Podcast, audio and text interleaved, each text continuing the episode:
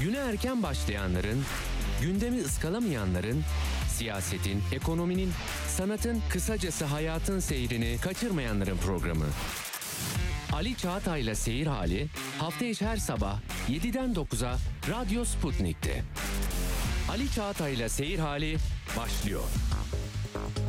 Radyo Sputnik'te seyir halindesiniz. İstanbul 97.8, Ankara 96.2, İzmir 91.0, Bursa 101.4 ve Kocaeli 90.2 frekansından bizi dinleyebilirsiniz. Hmm,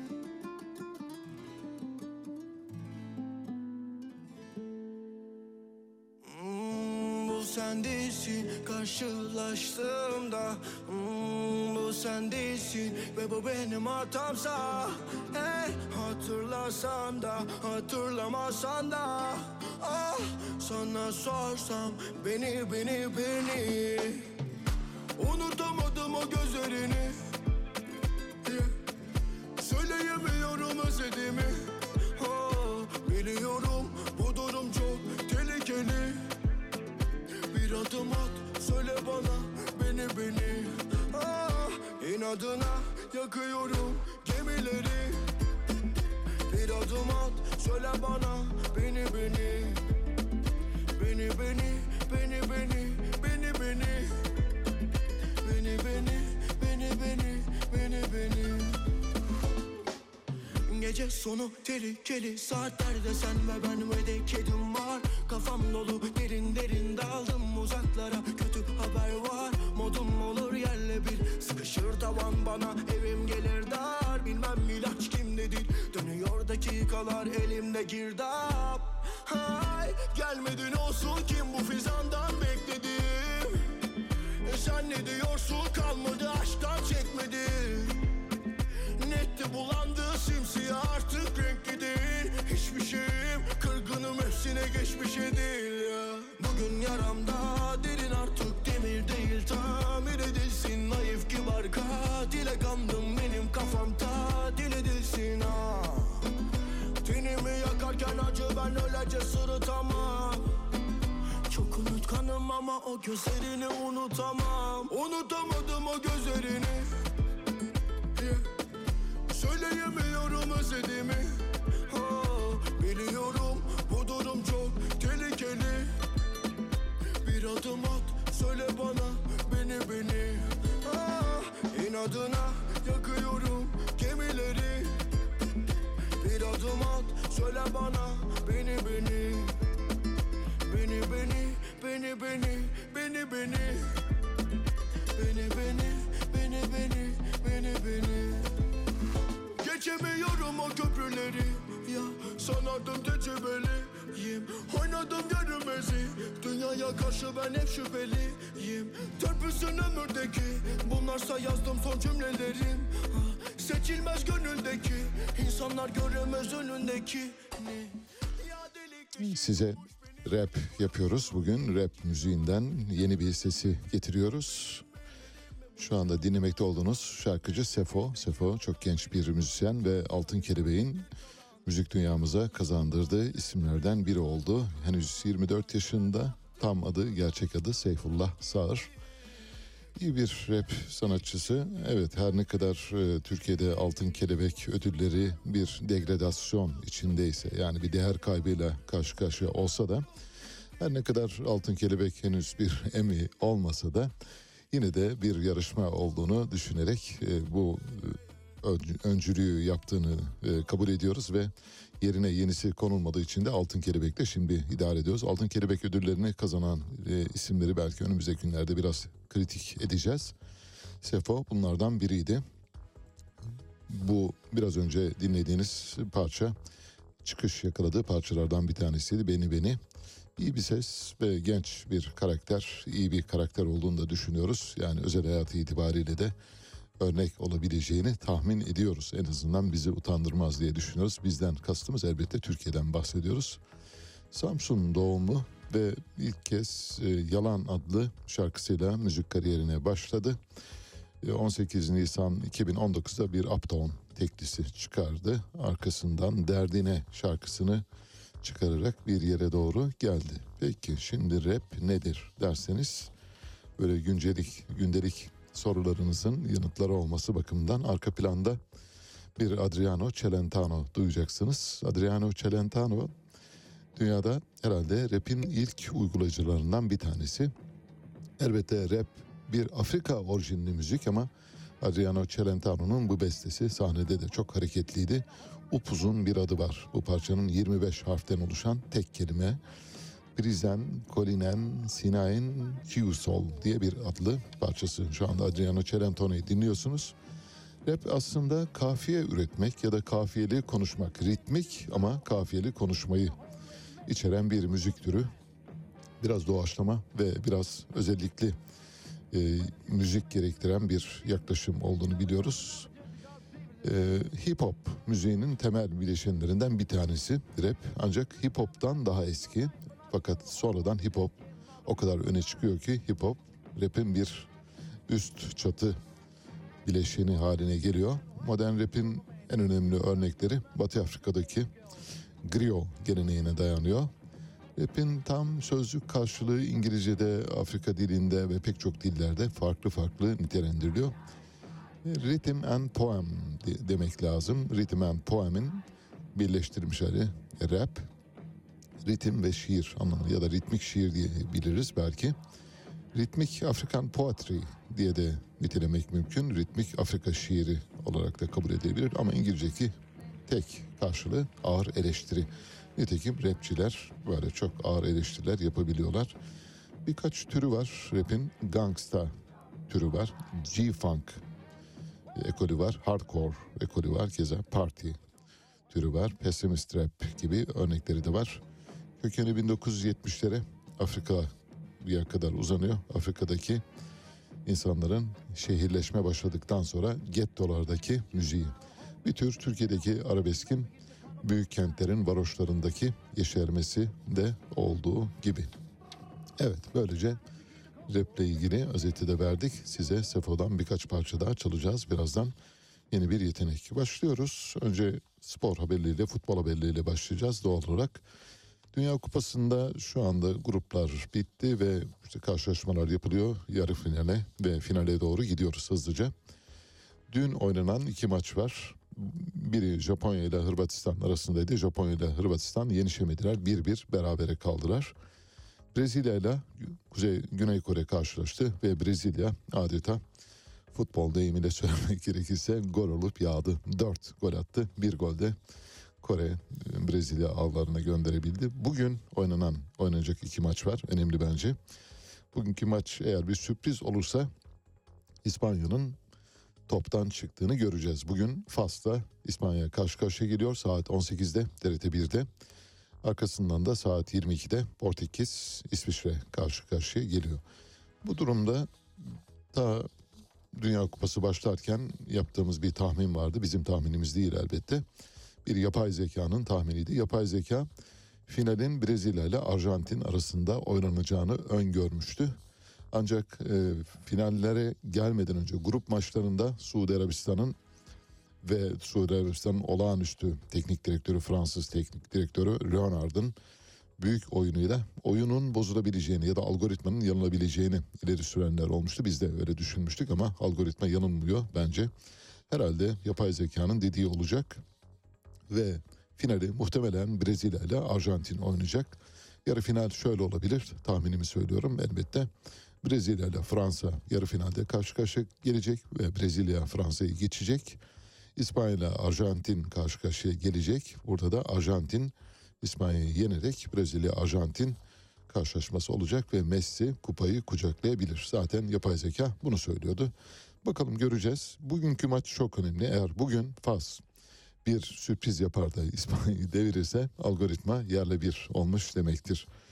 Bu arada yerle bir olması gereken bir stat var. O statta bu gece oynanacak olan Brezilya Güney Kore maçı sonrasında stadyum 975 yer ile yeksan olacak. Büyük bir stat fotoğrafı var arkadaşlarımız göstersinler. Olağanüstü müthiş bir mimari bir biblo gibi yapılmış fakat e, Katar bu stadı bu maçtan sonra yıkacak. Neden yıkıyor?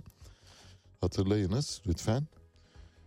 bir ekonomik tetikçinin itiraflarında John Perkins'in dört kitaptan oluşan serisinde şunu söylüyordu. Gelirler ülkenize gerekli gereksiz, ilgili ilgisiz, olur olmaz, akla hayale gelmez yatırımlardan bahsederler ve sizi kalkınma planına ikna ederler. İşte o kalkınma planlarına ikna etme çabalarının sonucunda Katar'ın bu stadı yıkması elzem hale gelmiş. Bunu yıkacaklar. Yerine elbette Bechtel, Eni ya da Vinci gibi şirketler gelip Fransız şirketleri gelip yeniden stat yapacaklar. Katar böylece onlara para aktarmış olacak. Onlar para kazanmış olacaklar. Para kazanan bu ülkeler kendi ülkelerinin vatandaşlarına kaynak aktarmış olacaklar. Sosyal güvenlik sistemlerini ayakta tutacaklar. Çünkü petrodolarlar akmaya devam ediyor. Stadın yıkılması hikayesinin bir ekonomik tetikçinin itiraflarındaki söyleme çok uyumlu olduğunu ifade edebiliriz. Statların yıkılması, havalimanlarının yıkılması örneklerine biz de çok tanıklık ettik. Son 20 yılda Türkiye'deki neredeyse bütün statlar, Galatasaray stadı, Beşiktaş stadı aklınıza gelebilecek Anadolu'daki bütün statlar yıkıldı, yerine yenileri yapıldı. Daha mı iyi oldu? Evet tabii futbol kalitesi bakımından daha iyi oldu. Ancak Türkiye bu statları yeniden yapabilecek kadar zengin bir ülke mi? Hayır. Bütün bunları neyle yapıyoruz? Borç parayla yapıyoruz. Yapmasak olur muydu? Olurdu. Ancak uluslararası tetikçiler Türkiye'yi bu yatırımlara zorluyorlar. İşte bu plan çerçevesinde Türkiye tutsak edilmiş ülkelerden bir tanesi. Diyeceksiniz ki Türkiye tutsak edilmiş de Katar ne? Katar çoktan tutsak edilmiş. Katar şu anda özgürlük savaşını kaybettiğini biliyor. Çünkü bizim tarifimiz şuydu biliyorsunuz Katar'la ilgili. Katar bir ülke değildir. Nedir? Katar Amerikan ve İngiliz fonlarının oluştuğu ve üzerinde konumlandığı bir kara parçasıdır. Devlet falan değildir. Çünkü sadece oradaki petrol gelirleriyle Batı'yı besleyen, Amerika'yı ve Avrupa'yı besleyen bir ülkeden ibarettir. Bu yüzden stat yıkılacak. Nasıl ki Atatürk Havalimanı yıkıldı ve rüzgar koridorlarının üzerine kuş göç yollarının üzerine bir havalimanı yapıldı. Devasa büyük maliyetlerle aynı hikayenin bir benzerinin burada da cereyan ettiğini görüyoruz. Demek ki Türkiye ekonomik tetikçilere teslim olmuş durumda. Dün enflasyon açıklandı. Kasım ayı enflasyonu ve enflasyonda bir hafif düşüş, yavaşlama ortaya çıktı. Yavaşlamayla düşüşü karıştırmamak lazım. Enflasyonda bir yavaşlama ortaya çıktı. Yoksa enflasyon artmaya devam ediyor. 2.88. Bir önceki yılın aynı ayına göre bir miktar aşağıda oldu. Zaten şu tahmin ediliyordu. Aralık ayı itibariyle enflasyonda baz etkisi dolayısıyla bir geriye doğru gidiş olacak. Nitekim bu geriye doğru gidişin birinci adımına geldik. Ve böylece bir buçuk yıldır ilk kez Türkiye'de enflasyon yavaşlamaya başladı. Geriye gitmiyor ama geriye gitmesi için bir şeyler yapılması lazım. Enflasyonla bir mücadele programı olması gerekiyor. Bu mücadele programının bugünkü ekonomi yönetiminde olmadığını görüyoruz. Böyle bir irade yok. Ancak Daron Acemoğlu'nun öncülük ettiği Cumhuriyet Halk Partisi'nin yeni yüzyıl, ikinci yüzyıl vizyonunda bunun izlerini göreceğiz. Muhtemelen Türkiye enflasyonla çok sert ve çetin bir mücadeleye girişecek eğer siyasi iktidar değişirse. Değişmese bu dönemin enkazı olarak seçimlerden sonra büyük bir kemer sıkma geliyor. Bunu da hatırlatmış olalım. TÜİK'in enflasyonuna göre Kasım ayında yıllık bazda enflasyon 84.39 oldu. 84 85.51 idi. Oradan aşağı doğru geliyor. İstanbul Ticaret Odası'nın enflasyonu yıllık bazda %105. ENAG'ın enflasyon araştırma grubunun enflasyon tahmini de %170. Dolayısıyla enflasyonlardan enflasyon beğenin hangisi işinize geliyorsa onu alabilirsiniz. Ev sahibiyseniz birini, kiracıysanız ötekini alabilirsiniz ama o bile çok. Bir fotoğraf var. Bu günün fotoğrafı ve günün sözü seçtik bunu. İbrahim Tatlıses'in arkadaşlarımız fotoğrafı verecekler. İbrahim Tatlıses sağ elini havaya kaldırarak bir Rabia işareti yapmış. Bildiğiniz gibi sol elini kullanamıyor. O yüzden sağ eliyle yapıyor. Yıldız Tilbe'nin bir sözü var. Yıldız Tilbe'nin bir sözüyle bu fotoğrafı ilişkilendirmişler. Yıldız Tilbe bu sözü çok önce söyledi. Şöyle dedi. Bildiğiniz gibi İbrahim Tatlıses bir suikast girişimine maruz kaldı. Orada yaralandı.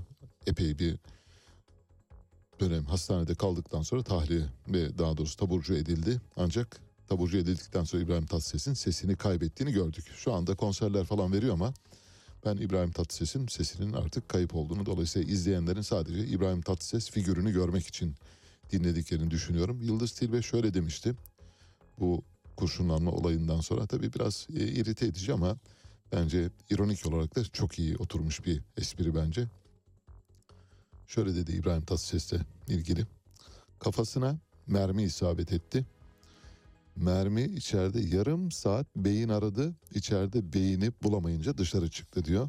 İbrahim Tatlıses'le ilgili yapılmış ağır eleştirilerden birisi ama müzisyenler kendi aralarında yaptıkları için biz sadece onu aktarıyoruz.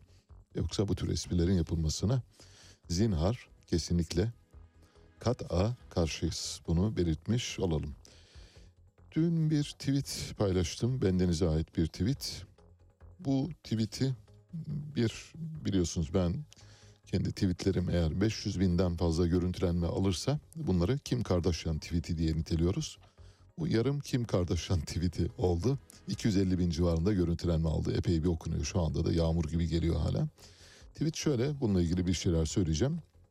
Çok basit. İki cümleden oluşuyor. IMF %1.6 faizle borç veriyor. Ancak Türkiye son dönemde uluslararası piyasalardan %8,5 ila 10 arası faizle borçlanıyor. Şimdi IMF'nin %1.6 faizle borç verdiği bir ortamda neden bir hükümet, bir devlet 8,5, 10'la hatta 11 ile borçlanır diye düşünüyorsanız işte bunun sırrı ortada. Çünkü IMF harcama kabiliyetini ortadan kaldırıyor hükümetlerin. Geliyor diyor ki şuraya şu kadar buraya bu kadar harcayacaksın hesabını vereceksin. Öyle gizli saklı harcama yok bütçe dışı harcama hiç yok. Herkesin altına 3 araba 4 maaş ve 7 yönünde yemediği arkasında bir şey olamaz. Zaten çok zengin bir ülke değilsiniz verdiğimiz parayı biz kontrol ederiz diyor. İşte IMF'nin kapısına gittiğiniz zaman IMF sizi kısıtlıyor. IMF'nin kısıtlayıcı hükümlerinden uzaklaşmak için faizin babasını alıyoruz. Hani nas falan deniliyor ya ortada nas falan yok. Nas olmuş olsa şu anda IMF'nin kapısına gitmiştik. %1.6 ile paşa paşa makul bir faiz oranıyla borçlarımızı ödemeye başlayabilirdik. Bu enflasyonda başımıza gelmezdi. Ancak 8,5 ile 10 ile 11 ile hatta ve hatta 12 ile borçlandığımız zamanlar oldu. Bu Türkiye'nin kaynaklarını israf etmesi ve Türkiye'nin giderek daha fazla yoksullaşması anlamına geliyor. Mahkemeden bir kiracılarla ilgili bir emsal karar geldi. Bu herkesi ilgilendiriyor. Bütün kiracıları ilgilendirdiği için bir ev sahibi Ankara'da kiracısından geçmişe dönük zamlı tarife istedi. Dedi ki enflasyon çok yüksekti. Ben sözleşmeyi böyle yaptım ama şu anda pişmanım. Dolayısıyla geriye doğru bana bir enflasyon farkı ödemen gerekiyor dedi. Yüce Mahkeme Ankara'da dedi ki böyle bir şey olamaz. Ev sahibi kiracıya ilave bir sözleşme olmadıkça, ek bir sözleşme olmadıkça herhangi bir şekilde geriye dönük enflasyon farkı talebinde bulunamaz dedi. Eğer e, kiracıysanız ve ev sahibinizle ilave ek bir protokol yapmadıysanız bu çok önemlidir biliyorsunuz. Ek bir protokolünüz yoksa geriye doğru sizden bir ödeme yapması halinde bu yargı kararını gösterebilirsiniz, ödemeyebilirsiniz. Hatta hiç göstermenize bile gerek yok. Böyle bir yargı kararı var. Git derdini Marco Paşa'ya anlat diyebilirsiniz. Asgari ücret maratonu başlıyor. Asgari ücret maratonu 7 Aralık yani yarın itibariyle ilk toplantı yapılacak. Arkasından 14 Aralık'ta ikinci toplantı sonra Aralık sonu itibariyle 4 toplantı tamamlanacak ve 1 Ocak'ta yeni asgari ücret ilan edilmiş olacak. Bendeniz'in asgari ücretle ilgili tahmini geçen yıl Temmuz ayında asgari ücret güncellendiği zaman 5250 liraya çıktığı gün asgari ücret minimum 10 bin lira olacak demiştim. Ayağımı yere basıyorum 10 bin liranın üzerine çıkacak. Yani 10 bin az bile. O zaman 10 bin demiştik ama şu anda 10 binden fazla olacağını tahmin ediyoruz. Fakat sanıyorum 10 bin lira olacak. Çünkü bu psikolojik bir sınır. 10 bin lirayı birdenbire görünce insanlar evet çok iyi. iyi bir zam artışı yapıldı diyebilirler. Bu arada Türk İş'in, Türkiye'nin en büyük işçi sendikaları konfederasyonu asgari ücreti açlık sınırıyla sınırlı bir şekilde e, öngörüyor. 7785 lira açlık sınırı. Bunun altına inmeyin diyor. Kırmızı çizgimiz budur diyor. İyi Parti'nin e, asgari ücret e, tavanı 9600 lira. Bu arada bize çok yakın. Disk Devrimci İşçi Sendikaları ise 13600 lira asgari ücret verilmesi gerektiğini söylüyor. DİSK Genel Başkanı Arzu Çerkezoğlu, Doktor Arzu Çerkezoğlu, Avrupa ülkelerinde asgari ücretle çalışan sayısının ortalama %4 civarında olduğunu belirtiyor. Türkiye'de asgari ücretle çalışanların sayısının kaç olduğunu biliyorsunuz. %50'den fazla. Neredeyse toplumun yarısı asgari ücretle yaşıyor. Yani 5250 lirayla yaşıyor. Bu yüzden Avrupa ile kendimizi kıyaslamayalım. Ortada farklı bir durum var, farklı bir oluşum söz konusu. Bu yüzden Türkiye'de asgari ücret olmazsa olmaz yaşamsal bir ücrete dönüşmüştür. Bu yüzden yüksek olması gerektiğini savunuyor DİSK. 13.200 lira ben de aynı kanaatteyim. 2008'de çıkarılan bir yasa var bildiğiniz gibi. AK Parti tarafından reform diye çıkarıldı. Bu yasayla emeklilerin asgari ücretten daha düşük maaş almalarını sağladı. Bu bir ketempereydi. Bu ketempereye maalesef geldiler. Ve o dönemde reform olarak ilan edilen bu düzenleme şu anda pek çok emeklinin belini büküyor. Emekliler eğer o günkü düzenlemeye o goygoycu medyanın e, verdiği gazla eğer gitmemiş olsalardı ya da buna karşı çıkmış olsalardı şu anda asgari ücretin üzerinde bir maaş alabileceklerdi. Şu anda Türkiye'de asgari ücretin altında maaş alan çok sayıda emekli var. Yüzde kaç olduğunu bilmiyorum ama büyük bir oran olduğunu söyleyebilirim. 9 Aralık Dünya Yolsuzlukla Mücadele Günü bildiğiniz gibi. Biz de bir bağlantı yapacağız. Ee, Şeffaflık Derneği ile bir bağlantı kuracağız. Aslında bugün yapmak istiyorduk ama olmadı. Yarından sonra e, Cuma günü olabilir diye düşünüyoruz. Bugün telefon bağlantımızın konusu enflasyon olacak. Enflasyonu değerlendireceğiz. Elbette asgari ücreti de konuşacağız. Profesör Doktor Erhan Aslanoğlu ile konuşacağız. Piri Reis Üniversitesi Rektör Yardımcısı iyi bir akademisyen ve yayınlarımıza sık sık konuk ediyoruz bildiğiniz gibi. 9 Aralık'ta Dünya Yolsuzlukla Mücadele Günü kapsamında Şeffaflık Derneği bir e, hashtag açıyor. Bu hashtag üzerinden vatandaşları katkı vermeye davet ediyor. Amacımız yolsuzluğun yıkıcı ve yozlaştırıcı etkileri konusunda farkındalık yaratmak ve şeffaflık, hesap verilebilirlik, katılımcılık gibi ilkeleri yaygınlaştırmaktır diyor. Yolsuzluk olmasa etiketimizi kullanarak yolsuzluğun olmadığı bir Türkiye'de nelerin farklı olabileceği konusundaki paylaşımlarınızla kampanyamıza destek olabilirsiniz. Bu mesajı çevrenizde paylaşarak katılımın artmasına vesile teşkil edebilirsiniz diyor. Benim de bir parça yanıldığım ve epey bir yanıldığım bir parça demeyelim epey bir yanıldığım bir konu var. Onunla ilgili bir izleyicimiz yazmış Efe Gönenç. Efe Gönenç kendisi bir mimar. Kent planlamasıyla uğraşıyor. Tiny house'larla ilgili tiny house'ların işte yaygınlaşabileceğini, biraz özgürlük, yerleşme hürriyeti, seyahat hürriyeti, konaklama hürriyeti gibi kavramlardan yola çıkarak dem vurmuştum. Diyor ki Efe Gönenç, Ali Bey diyor çok öyle değil diyor bu konu. Çok su kaldırır diyor. Şimdi Efe Gönenç'in size mesajını okuyacağım aynen. E, tek kelime katmadan okuyacağım. E, durumu sizin değerlendirmenize bırakıyorum. Katılıyorum bu arada yani katıldığım için okuyorum. Hoş katılmasak da okuruz. Yani katılmadığımız şeyleri de okuyoruz. Bize yönelik eleştiriler olduğu zaman onları da hiçbir şekilde sansüre tabi tutmadan aynen olduğu gibi okuyabiliyoruz. Merak etmeyiniz. En ufak bir yüksünme duymuyoruz bu konuda. Şöyle diyor Ali Bey, sadık bir dinleyicinizim.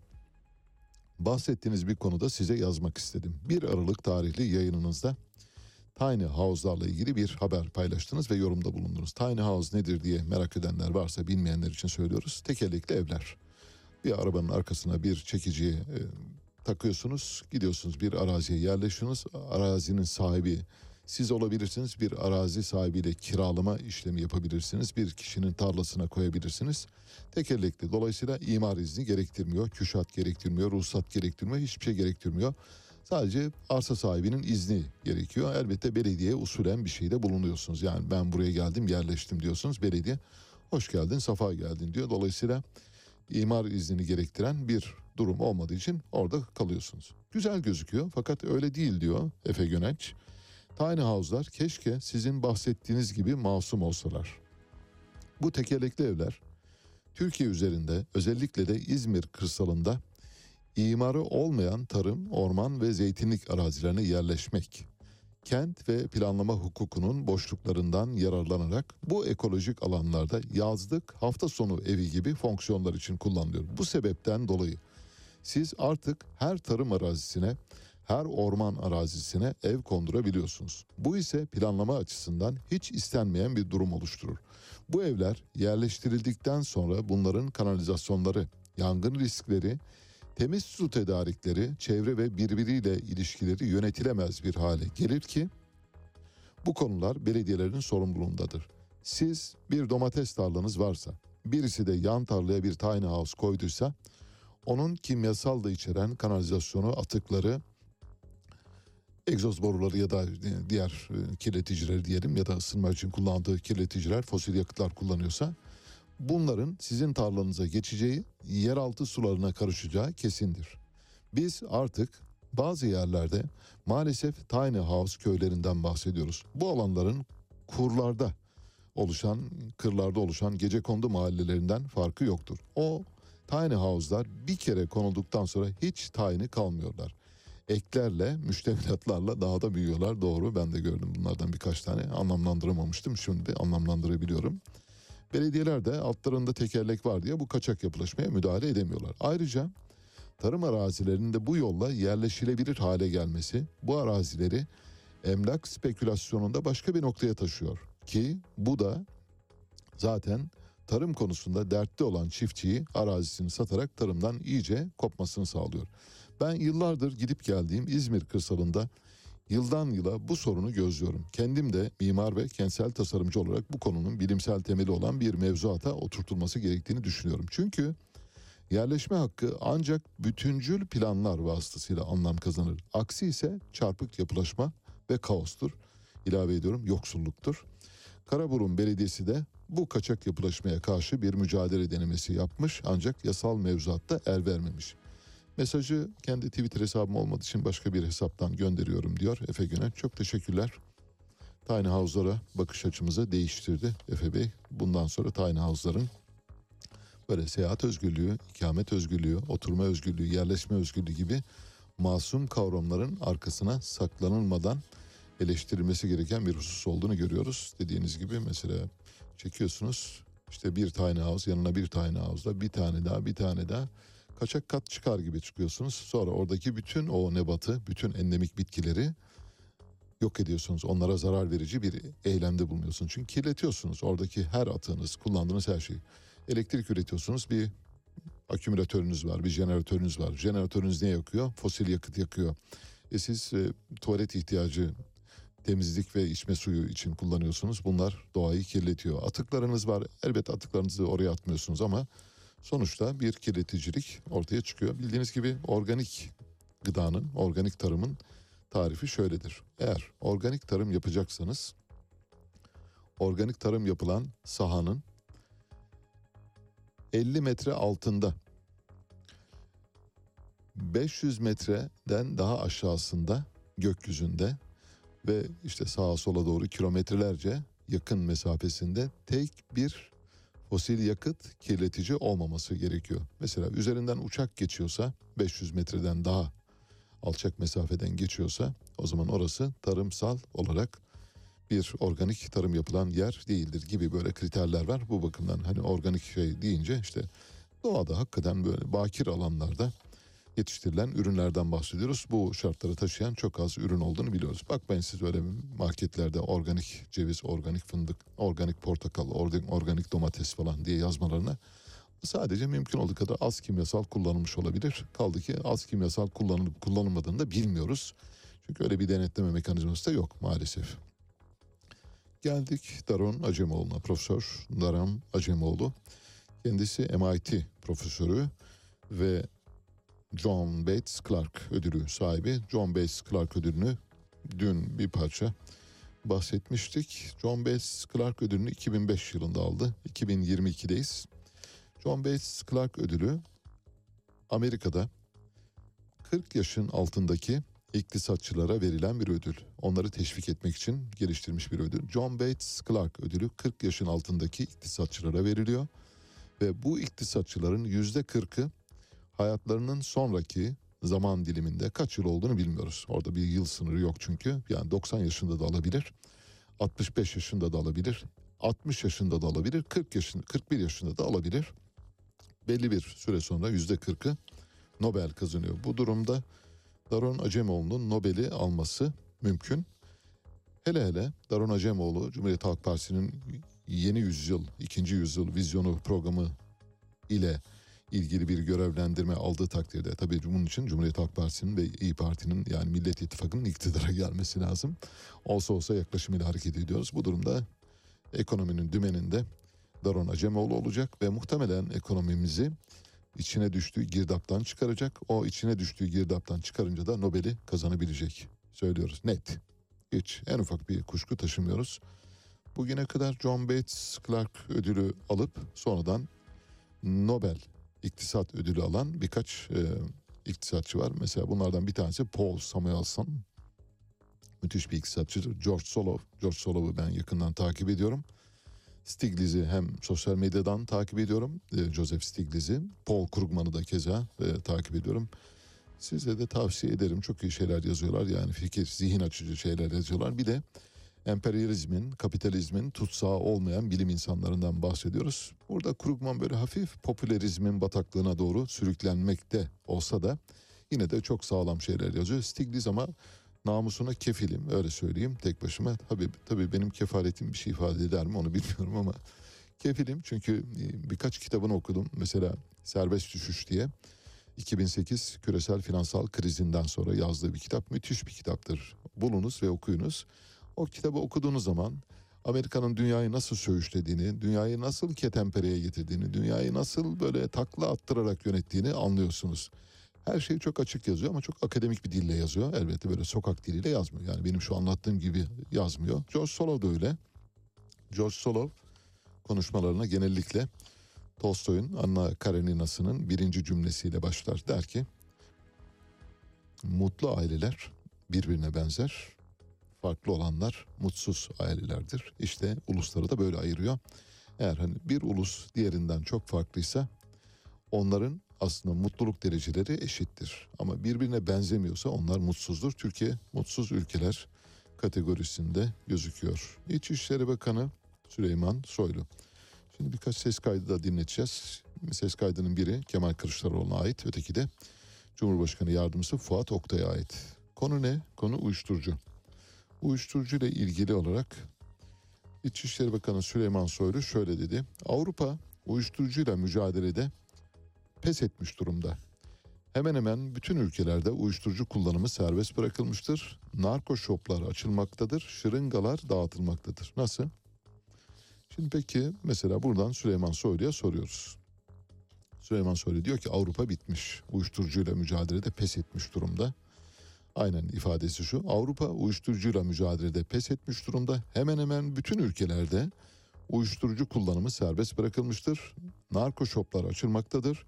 Şırıngalar dağıtılmaktadır. Kendilerince kontrollü bir mekanizma uygulayarak esas itibariyle uyuşturucu arzının sürekli olarak artmasına sebebiyet teşkil etmektedir. Cümle berbat ve idare edin artık. Sadece Belçika limanına geçen yıl gelen uyuşturucu kokain miktarı bir yakalamada 70 tondur.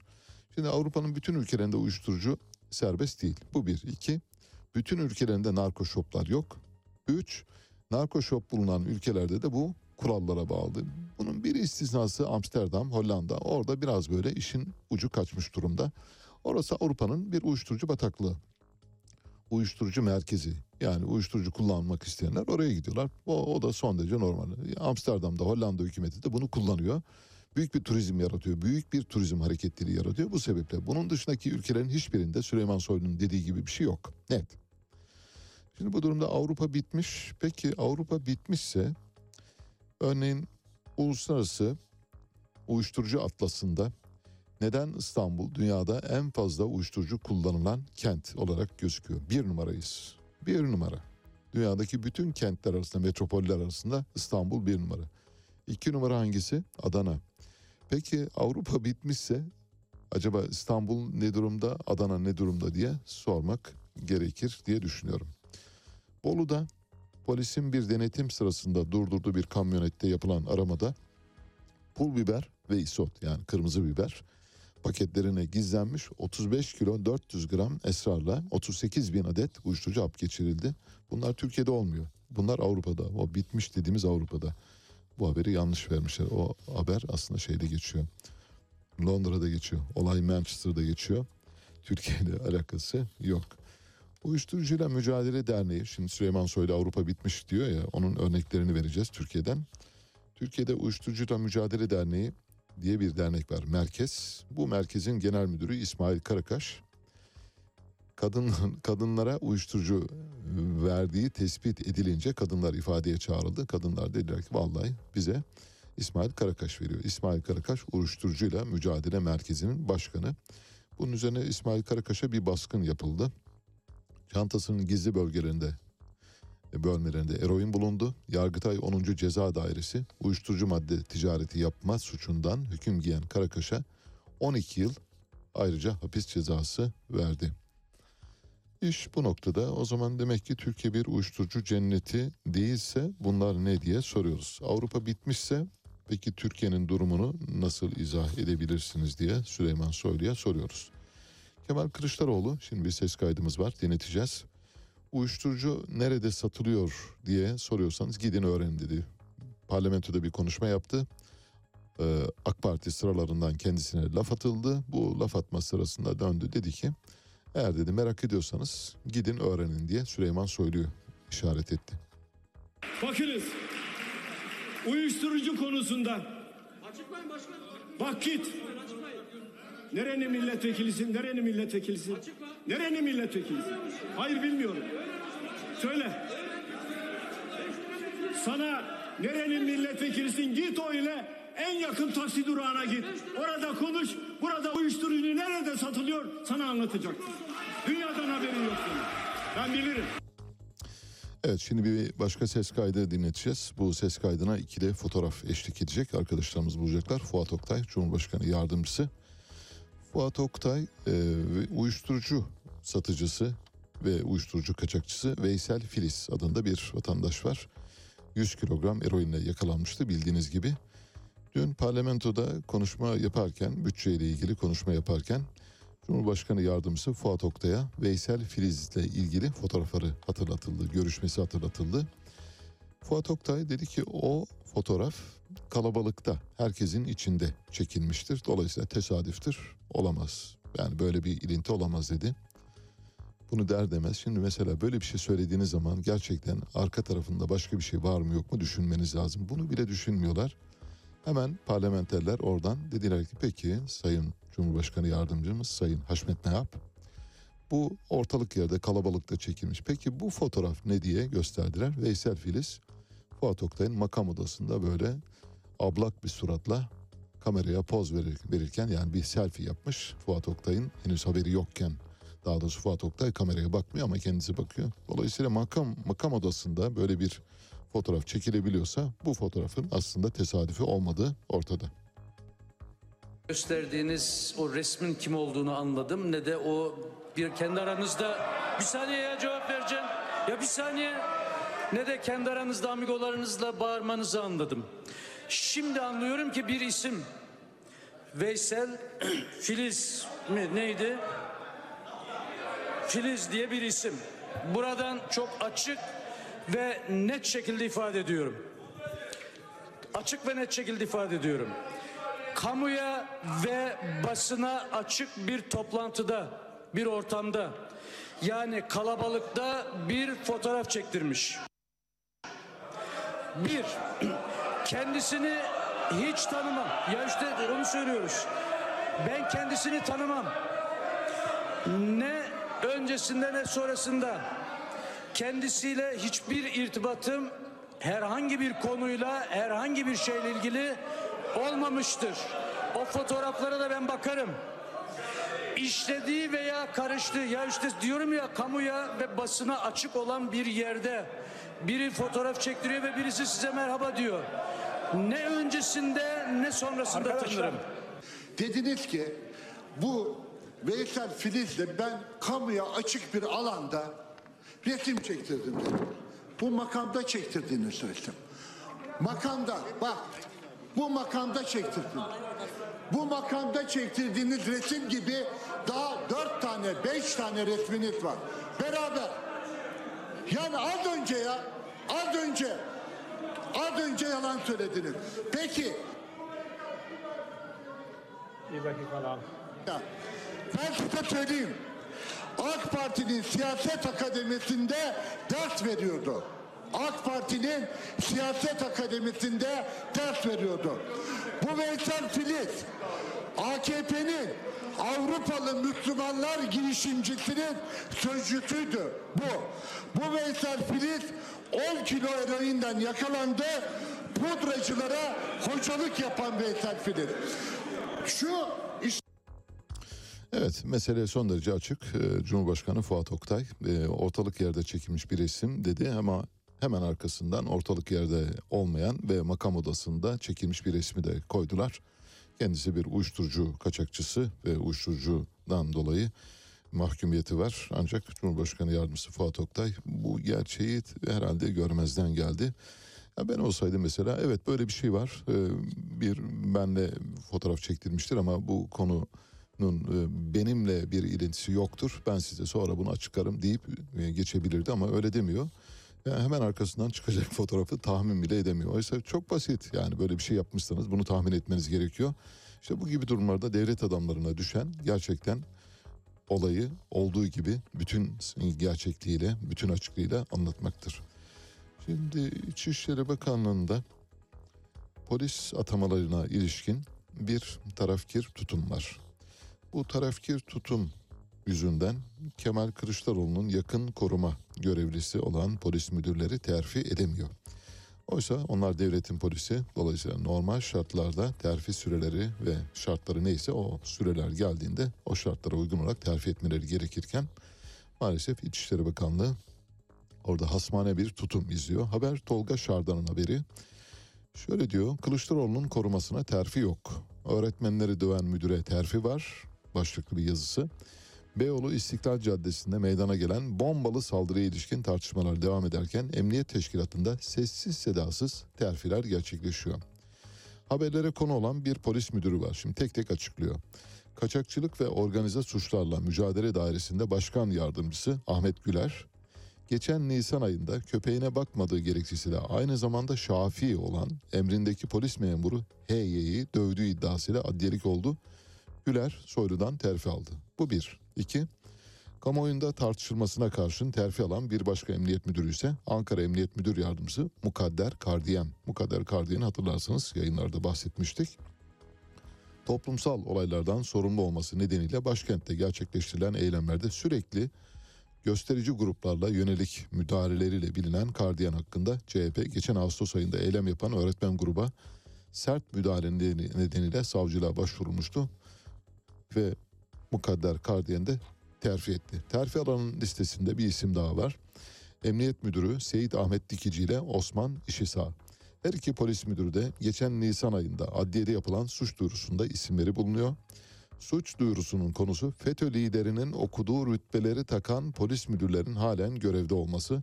Söz konusu suç duyurusunda isimleri bulunan Dikici Emniyet Genel Müdürlüğü Siber Suçlarla Mücadele Dairesi'ne, işi sahada Gaziantep Emniyet Müdürlüğü'ne görevli. Nasıl? Yani kediye ciğer emanet ediyorsunuz. FETÖ'den hakkında iddialar var. Götürüyorsunuz emniyet siber suçlarla. Tam da böyle kalbine koyuyorsunuz. Diyorsunuz ki abi sana öyle bir görev vereceğiz ki emniyetin canını okuyacaksın. Öyle bir yere veriyoruz. Yani hakkında bir ufak şüphesi olan bir kimsenin mesela bu gibi durumlarda kızak görevlere verilmesi gerekirken hayır getirip en güzel yere koyuyorsunuz. Bir başka isim Trabzon'dan terfi eden Şevki Pekdemir. Şevki Pekdemir Mersin Emniyet İstihbarat Şube Müdür Yardımcısıyken 2014'te o yıllarda henüz FETÖ olarak anılmıyordu. Gülen cemaati mensuplarına yönelik operasyon kapsamında yasa dışı telefon dinleme olayları sebebiyle meslektaşlarınca gözaltına alındı. Pekdemir kendisine bağlı polislerin 41 yıl ceza almasına rağmen yerel mahkeme ve istinaftan beraat kararı aldı. Fakat sonrasında devam eden adli süreçte Yargıtay istinafın kararını bozdu. Dosya açık. İstanbul Emniyetinde yönetim değişikliği sonrasında Ankara'dan İstanbul'a atanan ve istihbarat şubeden sorumlu polis müdürü Ömer Faruk Ateş'te terfi edenler arasında.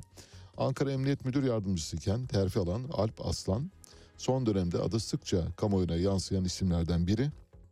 15 Temmuz'da FETÖ'nün darbe girişimi sırasında Akıncı üstünde yakalanan ancak salı verilen FETÖ'nün silahlı kuvvetler imamı Adil Öksüz'ün firarından dolayı yargılanan Aslan hakkında soruşturma yürütüldüğü dönemde emniyet teşkilatına pek görülmeyen biçimde il emniyet müdür yardımcılığına terfi ettirildi. Bu da bir başka örnek. Halen iktidara yakın görüşleriyle bilinen Emniyet Eski İstihbarat Daire Başkanı Bülent Orakoğlu'nun oğlu Tansel Orakoğlu da Adana Emniyet Müdür Yardımcısının yardımcılığından birinci sınıf emniyet müdürü yapıldı. Bülent Orakoğlu biliyorsunuz en fazla müsaadeye mazhar polislerden bir tanesi.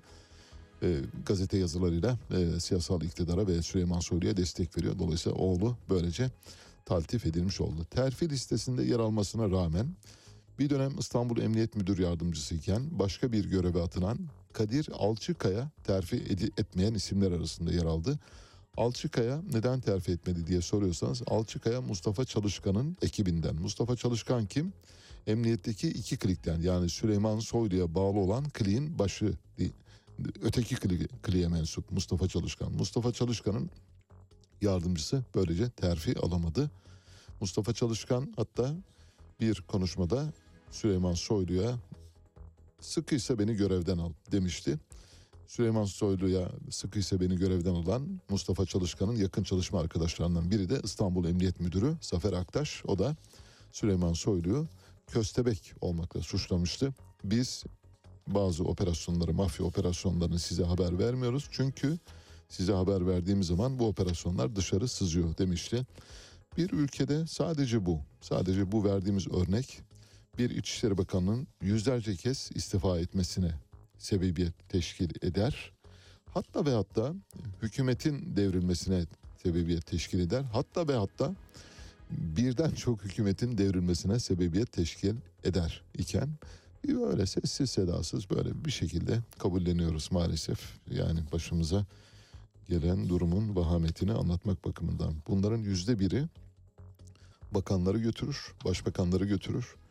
Bütün bir hükümeti götürür ancak olduğu yerde duruyor. Şu atamalarda mesela kanunsuz ve liyakate uygun olmayan atamalarında ayrıca bir unsur olarak değerlendirmesi gerektiğini düşünüyoruz. Bir küçük haber vereceğiz sonra araya gideceğiz.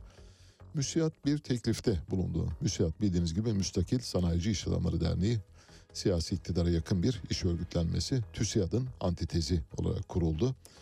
Şöyle bir teklifte bulundu müsiyat. Zekat toplama ve dağıtma işlemleri finansal sistemlere dahil edilmeli diyor. Ne demek istiyor? Diyor ki zekat veriyoruz ama, ama bu zekatı gider göstermek zorundayız. Şimdi zekatı gider olarak gösterdiğiniz zaman kaç para verdiniz, kime verdiniz, niçin verdiniz, nasıl verdiniz, ne zaman verdiniz gibi sorulara muhatap olmuyorsunuz. Bu durumda vergi kaçırmanın yeni bir yolu oluşturulacak. MÜSİAD'ın bu önerisi elbette samimiyetle verilmiş bir öneridir. Ona inanıyorum. Ancak bu önerinin hayata geçirmesi durumunda olağanüstü bir şekilde suistimal edilmesi söz konusu olacaktır. Zekat verenin kime vereceğine kim karar verecek? Bu bir zekatı vergiden düşelim diyeceğiz. Ama kime verdiniz, kaç para verdiniz, ne kadar verdiniz bu bilinmiyor. Kayıt dışı bir zekat müessesesi hayata geçirilmiş olacak. Böylece vergiden kaçırmak için yeni bir yol bulunmuş olacak. Evet habere gidiyoruz. Birazdan Mehtap Yeni Doğan geliyor. Size Altın Kelebek'le ününü yaygınlaştırmaya başlayan Sefo'dan rapçi, Sefo'dan parçalar seçtik. Seyfullah Sağır, Sefo bu parçasında gitti diyor. Baktım kendime oh, Ne gelir elden uslanmam ben yine Gelin oldu gitti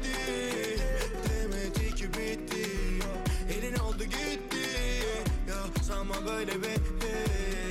Yalnız söndüm kalktım baktım kendime. Oh, Ne gelir elden uslanmam ben yine.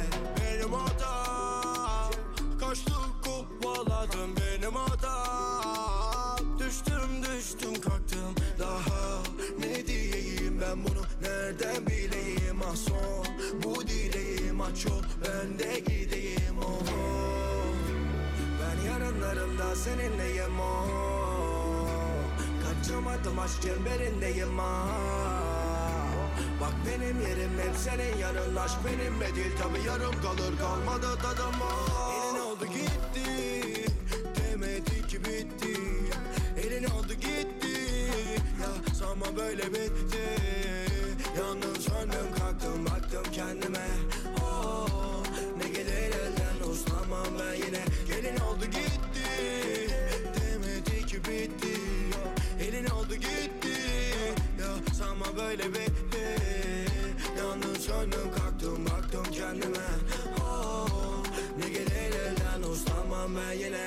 bebek Nereye gidiyorsan beni de al götür bebek. Kafa kalabalık kişi dolu yetenek. Beterin beteri var ama bu betere. Yaşadıklarımın adı koca bitirip Se Seviyorum onu ama o da bırakır. Gel kavgalara geleme metine kırakır. Kul Bulamadım asılıyor niye suratın Dur, Nereye gidiyorsun hele beni bırakıp ya?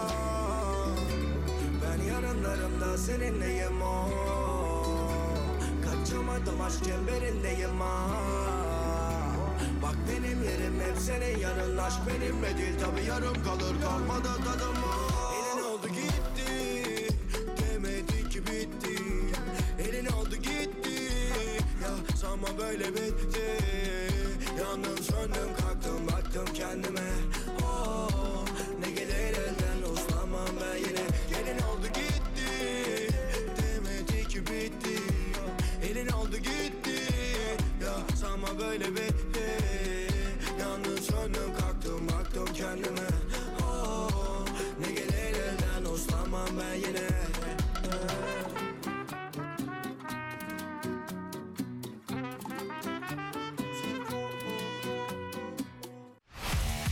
erken başlayanların, gündemi ıskalamayanların, siyasetin, ekonominin, sanatın, kısacası hayatın seyrini kaçırmayanların programı.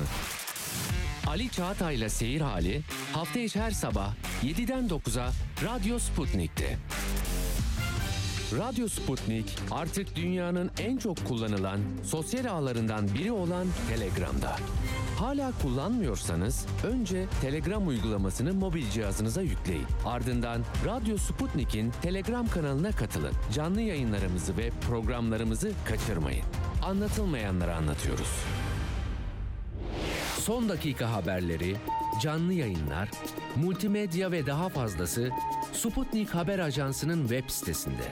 Dünyanın küçük bir parçasını değil, tamamını anlamak istiyorsanız sputniknews.com.tr'yi tıklayın, habersiz kalmayın.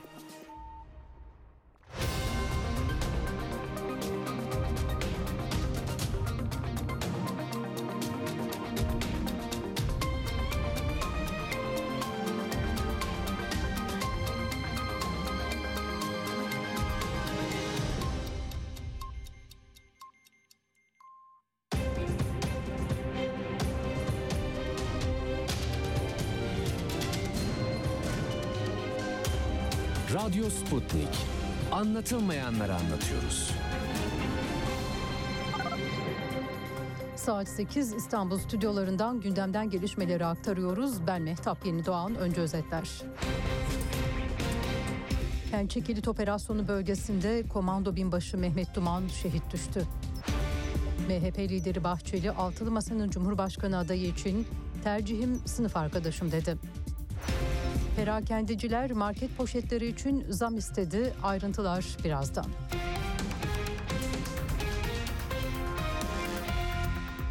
Irak'ın kuzeyinden şehit haberi geldi. Pençe Kilit Operasyonu bölgesinde bölücü terör örgütü mensupları tarafından önceden döşenen el yapımı patlayıcı infilak etti. Piyade Komando Binbaşı Mehmet Duman şehit oldu. İç siyaset gündeminden bir haber var sırada. Altılı Masa'nın Cumhurbaşkanı adayının kim olacağına ilişkin tartışmalar sürerken adaylık için anket yapılacağı iddiaları MHP Genel Başkanı Devlet Bahçeli'ye soruldu. Bütçe görüşmelerine katılmak üzere gittiği Türkiye Büyük Millet Meclisi'nde gazetecilerin sorularını yanıtlayan Bahçeli, Altılı Masa'nın adayı için bana sorarlarsa tercihim sınıf arkadaşım olur dedi. Bahçeli ve CHP lideri Kemal Kılıçdaroğlu aynı dönemde aynı üniversitede eğitim görmüştü. Ekonomi notlarıyla devam edeceğiz bültene. Ekonomiye ilişkin önemli bir veri belli oldu dün. Türkiye İstatistik Kurumu Kasım ayı enflasyon verilerini açıkladı. Buna göre tüketici enflasyonu Kasım'da aylık %2.88 yükseldi. Yıllık artış ise %84.39'la beklentilerin hafif altında kaldı. Böylece Kasım ayında Mayıs 2021'den bu yana ilk kez yıllık enflasyonda düşüş yaşandı. Piyasa beklentisi yıllık enflasyonun %84.78 gelmesi yönündeydi. Ekim'de enflasyon %85.51'di. 7 milyondan fazla çalışanın gözü kulağı asgari ücrete yapılacak zamda 2023 yılında geçerli olacak asgari ücret için süreç yarın başlayacak. Taraflar Çalışma ve Sosyal Güvenlik Bakanlığı'nın ev sahipliğinde bir araya gelecek. Toplantıda işveren tarafını Türkiye İşveren Sendikaları Konfederasyonu, işçi tarafını ise Türk İş temsil edecek. Zam pazarlığında tarafların talep ve teklifleri beklenirken Türk İş Kasım ayı enflasyon verisinin de aralarında olduğu ekonomik göstergeleri komisyona sunacak. Türk İş'in gelir vergisiyle ilgili taleplerini de komisyona sunması bekleniyor. Asgari ücret toplantılarının ilki için geri sayım sürerken yarın toplanacak tespit komisyonu öncesi yeni ücrete dair tahmin ve talepler de gelmeye devam ediyor. Türk İş Genel Başkanı Ergün Atalay, Kasım ayı araştırmasındaki açlık sınırı olan 7785 liranın kırmızı çizgileri olduğunu, asgari ücretin bu tutarın daha üzerinde olması gerektiğini söyledi. Türkiye İşveren Sendikaları Konfederasyonu Yönetim Kurulu Başkanı Özgür Burak Akkolsa dengeli bir asgari ücret vurgusu yaptı. Komisyon masasında olmayan iki büyük işçi sendikası konfederasyonundan da ilk açıklamalar geldi. Ak İş Başkanı Mahmut Arslan, işçi insan onuruna yaraşır bir ücret almalı dedi. Toplam çalışanlar içerisindeki payı %50'den fazla olan insanların ücretlerini belirliyoruz. Bu bir asgari ücret olmaktan çıkmış bir genel ücret. Biz gerçekten işçinin, ailesinin insan onuruna yaraşır bir ücret alma mücadelesinin içindeyiz. Asgari ücret istisnai bir ücret olmalı. Türkiye Devrimci İşçi Sendikaları Konfederasyonu Başkanı Arzu Çerkezoğlu ise enflasyonu işaret etti. İnsanca bir asgari ücretin net 13.200 lira olması gerekir diye konuştu. Yaşadığımız yüksek enflasyon koşullarında enflasyon tek haneli rakamlara düşene kadar asgari ücret yılda 4 kez güncellenmelidir. Asgari ücret net 13.200 lira olmalıdır. Alışveriş poşetleriyle ilgili bir zam talebi geldi. Türkiye Perakendeciler Federasyonu 4 yıl boyunca 25 kuruştan satılan alışveriş poşeti fiyatının 75 kuruşa yükseltilmesini istedi. Talep Çevre, Şehircilik ve İklim Değişikliği Bakanlığı'na sunuldu. Gerekçe olarak çevre kirliliği gösterildi.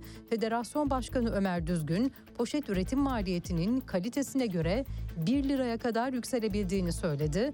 Ücretli poşet uygulaması 1 Ocak 2019 tarihinde başlamıştı. Bakanlık verilerine göre uygulamayla 4 yılda plastik poşet kaynaklı 550 bin ton plastik atığın oluşumu ve 23 bin ton sera gazı salımı engellendi.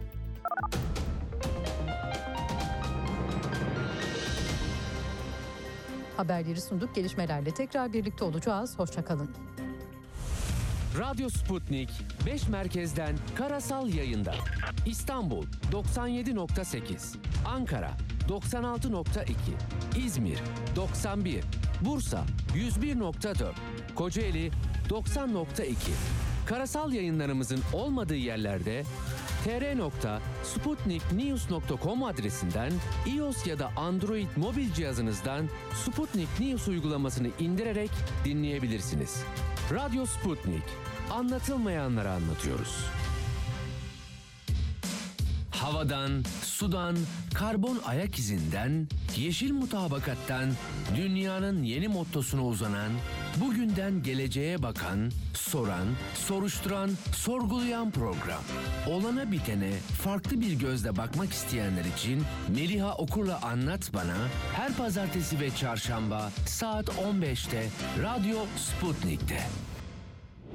Son dakika haberleri, canlı yayınlar, multimedya ve daha fazlası Sputnik Haber Ajansı'nın web sitesinde.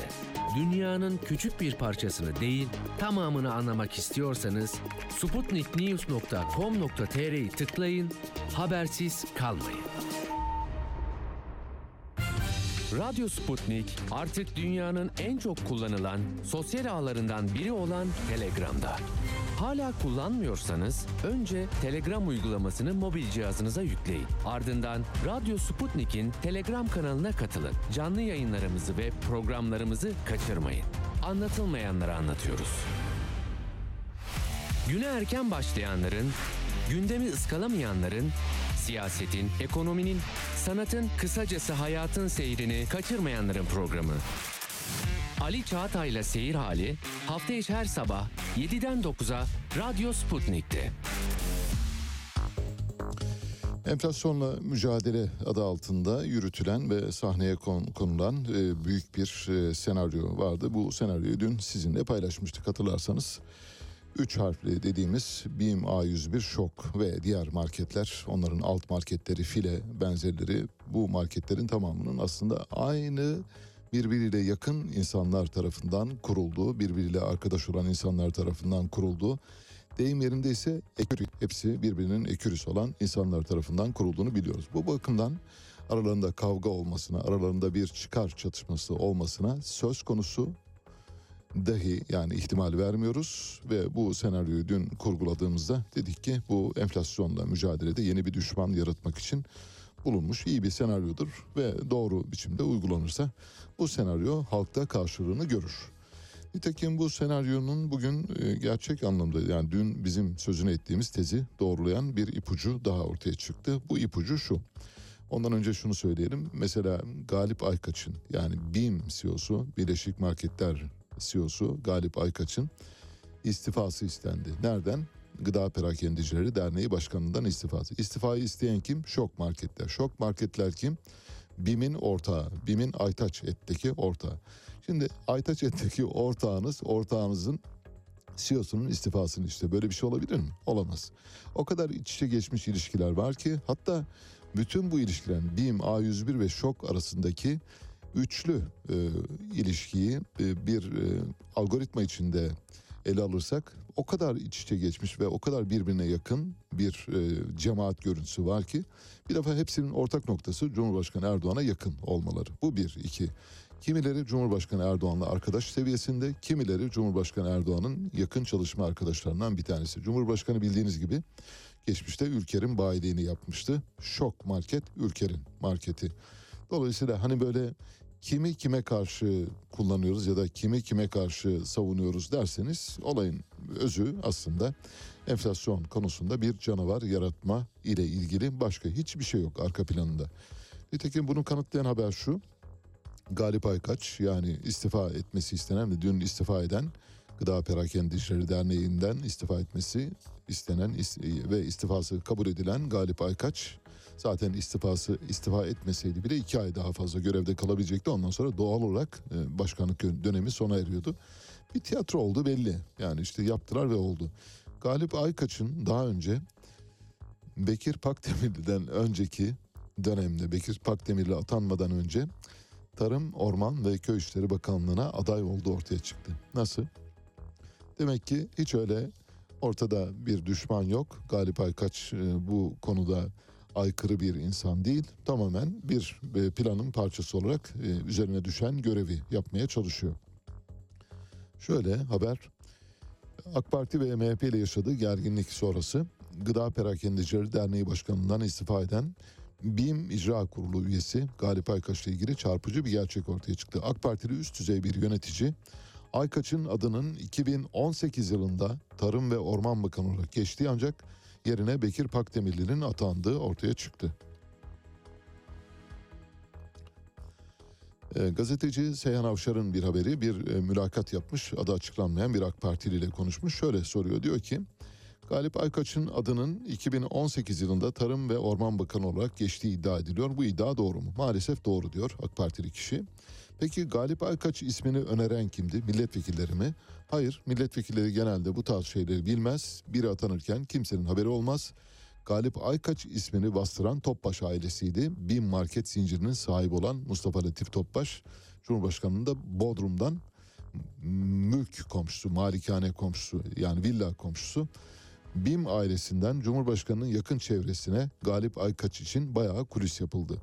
Sonra ne oldu diye soruyor. Başkan daha sonra atama yapmadı. Neyse ki yapamadı.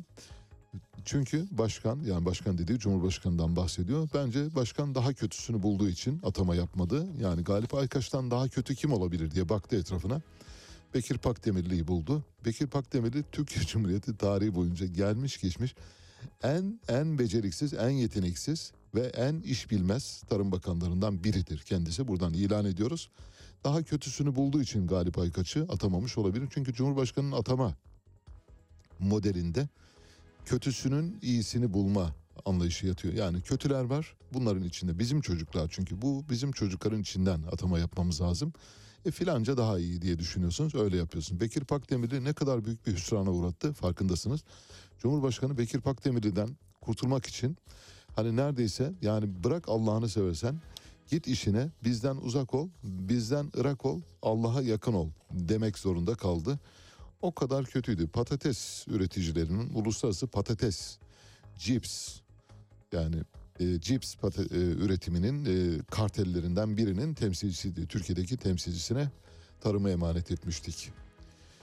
Murat Kavuncu, Ekmek Üreticileri Federasyonu Başkanı Murat Kavuncu, Galip Aykaç'la ilgili tehdit içeren mesajlar yayınladı. Murat Kavuncu'ya baktık biraz. Kendisi Ekmek Üreticileri Federasyonu Başkanı e, diye geçiyor. Hem geçmişte Cumhuriyet Halk Partisi'nden milletvekili adayı olmuş 2018'de. 2013'te de Milliyetçi Hareket Partisi'nden Çankaya Belediye Başkan adaylığı var. Demek ki o partiden bu partiye doğru böyle geçiş yapmayı seviyor. Kendisini şöyle de tarif ediyor. Galip Aykaç'ı ağır bir dille tehdit ettiği için ama çok ağır hakikaten. Mesela ses kaydını radyoda yayınlama cesaretini gösteremedim. Öyle söyleyeyim. O kadar ağır, o kadar ağza alınmaz şeyler söyledi Galip Aykaç'la ilgili. Bu da kavganın bir parçası, oyunun bir parçası. Yani Murat Kavuncu'nun bu söylemde bulunması da işin bir parçası. Çünkü oyun planı o kadar iyi planlanmış ki senarist o kadar iyi yazmış ki herkes zorunun gereğini çok iyi yerine getirebiliyor. Bu sebeple yani Murat Kavuncu bunu söyledi acaba bilmeden mi söyledi derseniz hayır bu planın parçası. Murat Kavuncu'yu tanımak gerekirse Galip Aykaç'ı tehdit eden Murat Kavuncu şöyle diyor 13 yaşımdan beri bu kutlu davanın içerisinde yer almaktan ve ülke ocaklarında yetişmiş olmaktan dolayı onur, gurur ve şeref duyuyorum. Üçü de aynı anlamı geliyor biliyorsunuz bu kelimelerin. Neyse. 23 yıldır teşkilatıma ve davama hizmet etmekteyim diye de söylüyor. Kutlu dava dediği Milliyetçi Hareket Partisi ve ülkücü kuruluşların içinden gelmesidir.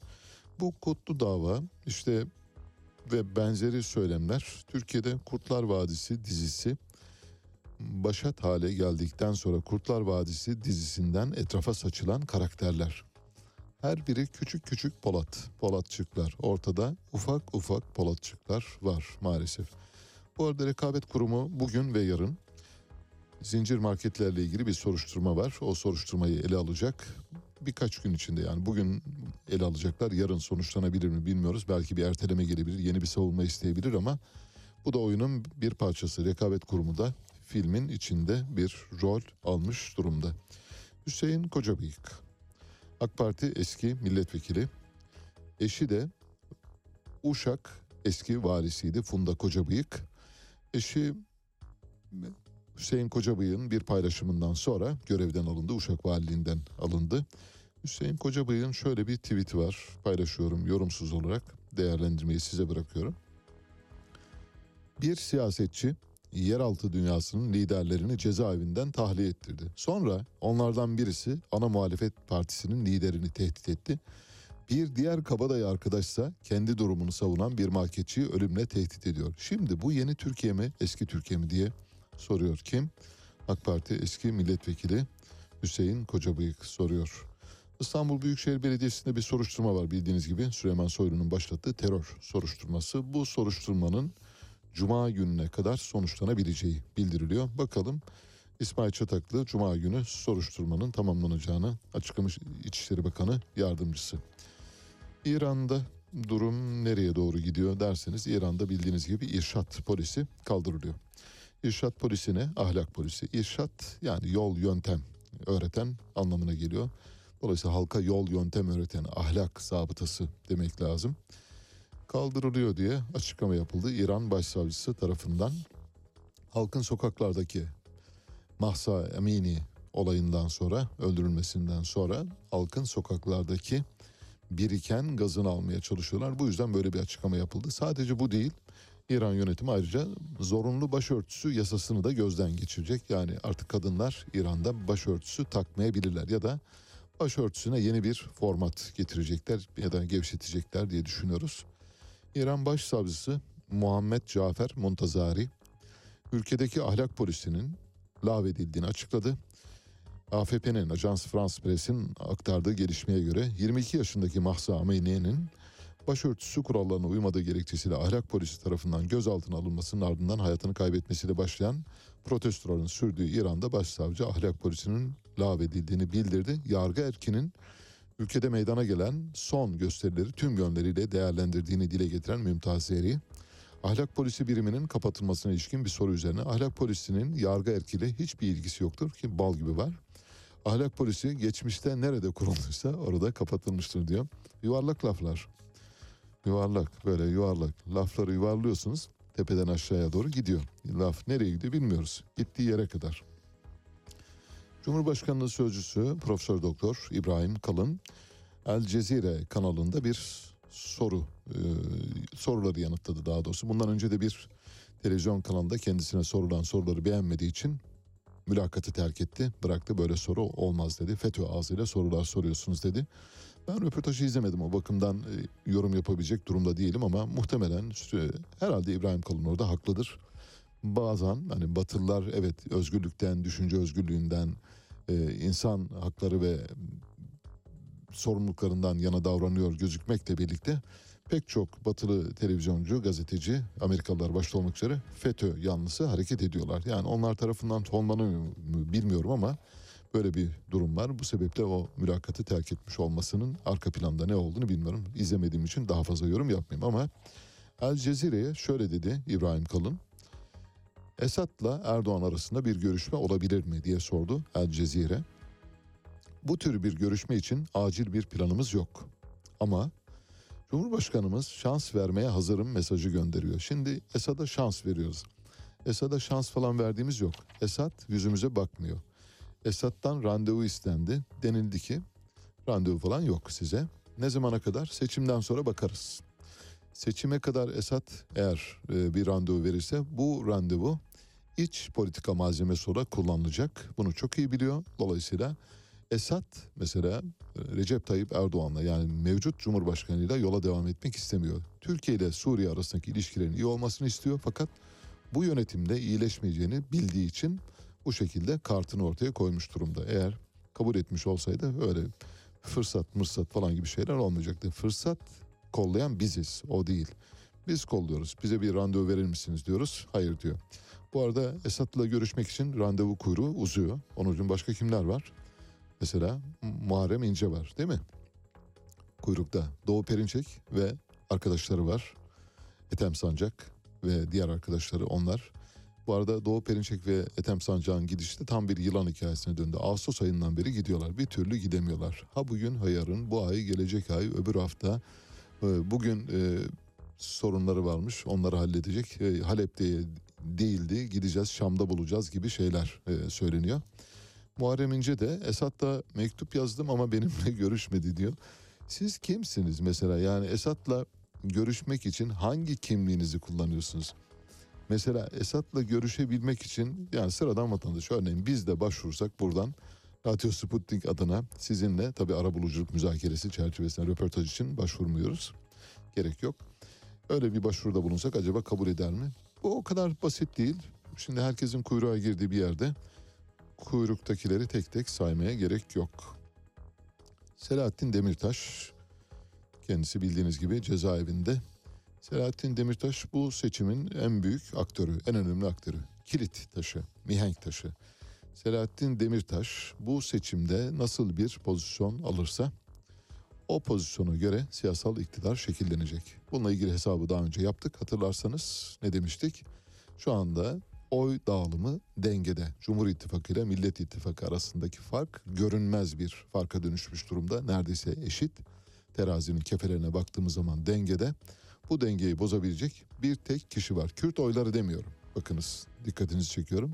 Selahattin Demirtaş. Selahattin Demirtaş nasıl hareket ederse o şekilde sonuç çıkacak. Cumhur İttifakı'ndan yana bir tavır koyarsa Cumhur İttifakı'nın kazanması yüzde yüz.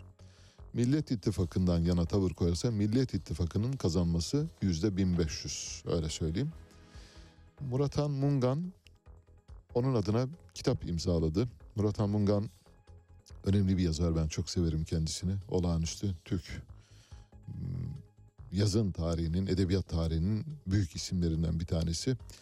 Çok oyunları var, pek çok oyun yazdı. Onlardan bir tanesi Taziye. Yıllar önce Ankara Sanat Tiyatrosu'nda Rutkay Aziz ve arkadaşları sergilemişti. Altan Erkekli oynamıştı başrolünde. Müthiş bir oyundur. Bu bir üçleme aslında. Taziye o oyunlar dizisinin bir parçası. Şöyle dedi Murat Anmungan. Bugün ben ve diğer yazar arkadaşlarım senin adına kitapları imzaladık. En yakın tarihte kendi kitaplarını kendinin imzalayacağı günleri görmek ümidiyle selamına bin selam diyor ve altına da Selahattin Demirtaş'a imzalanmış bir kitabı yazıyor, koymuş ortaya. İstanbul'un en büyük sorunu taksi sorunu bildiğiniz gibi. Şimdi Uber yasaklandı, taksicilerle bir türlü baş edemiyoruz. Şöyle diyorlar taksiciler, madem İstanbul'un en büyük sorunu taksi, o zaman açın taksinin önünü. Yolcusu varken yoğun saatlerde emniyet şeridini serbest bırakın, metrobüs, tramvay yolları serbest olsun. Bak o zaman taksi yetiyor mu, yetmiyor mu? Saatte bir iki bisiklet geçecek diye bisiklet yolu yapan kafa bunu da denesin diyor.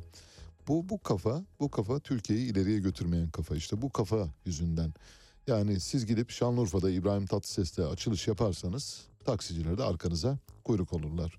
Bu kafa arıza şeridini kullanalım diyor. Dünyanın neresinde taksicilerin arıza şeridi kullandığını gördünüz? Herhangi bir yerde Patagonya'da bile yok.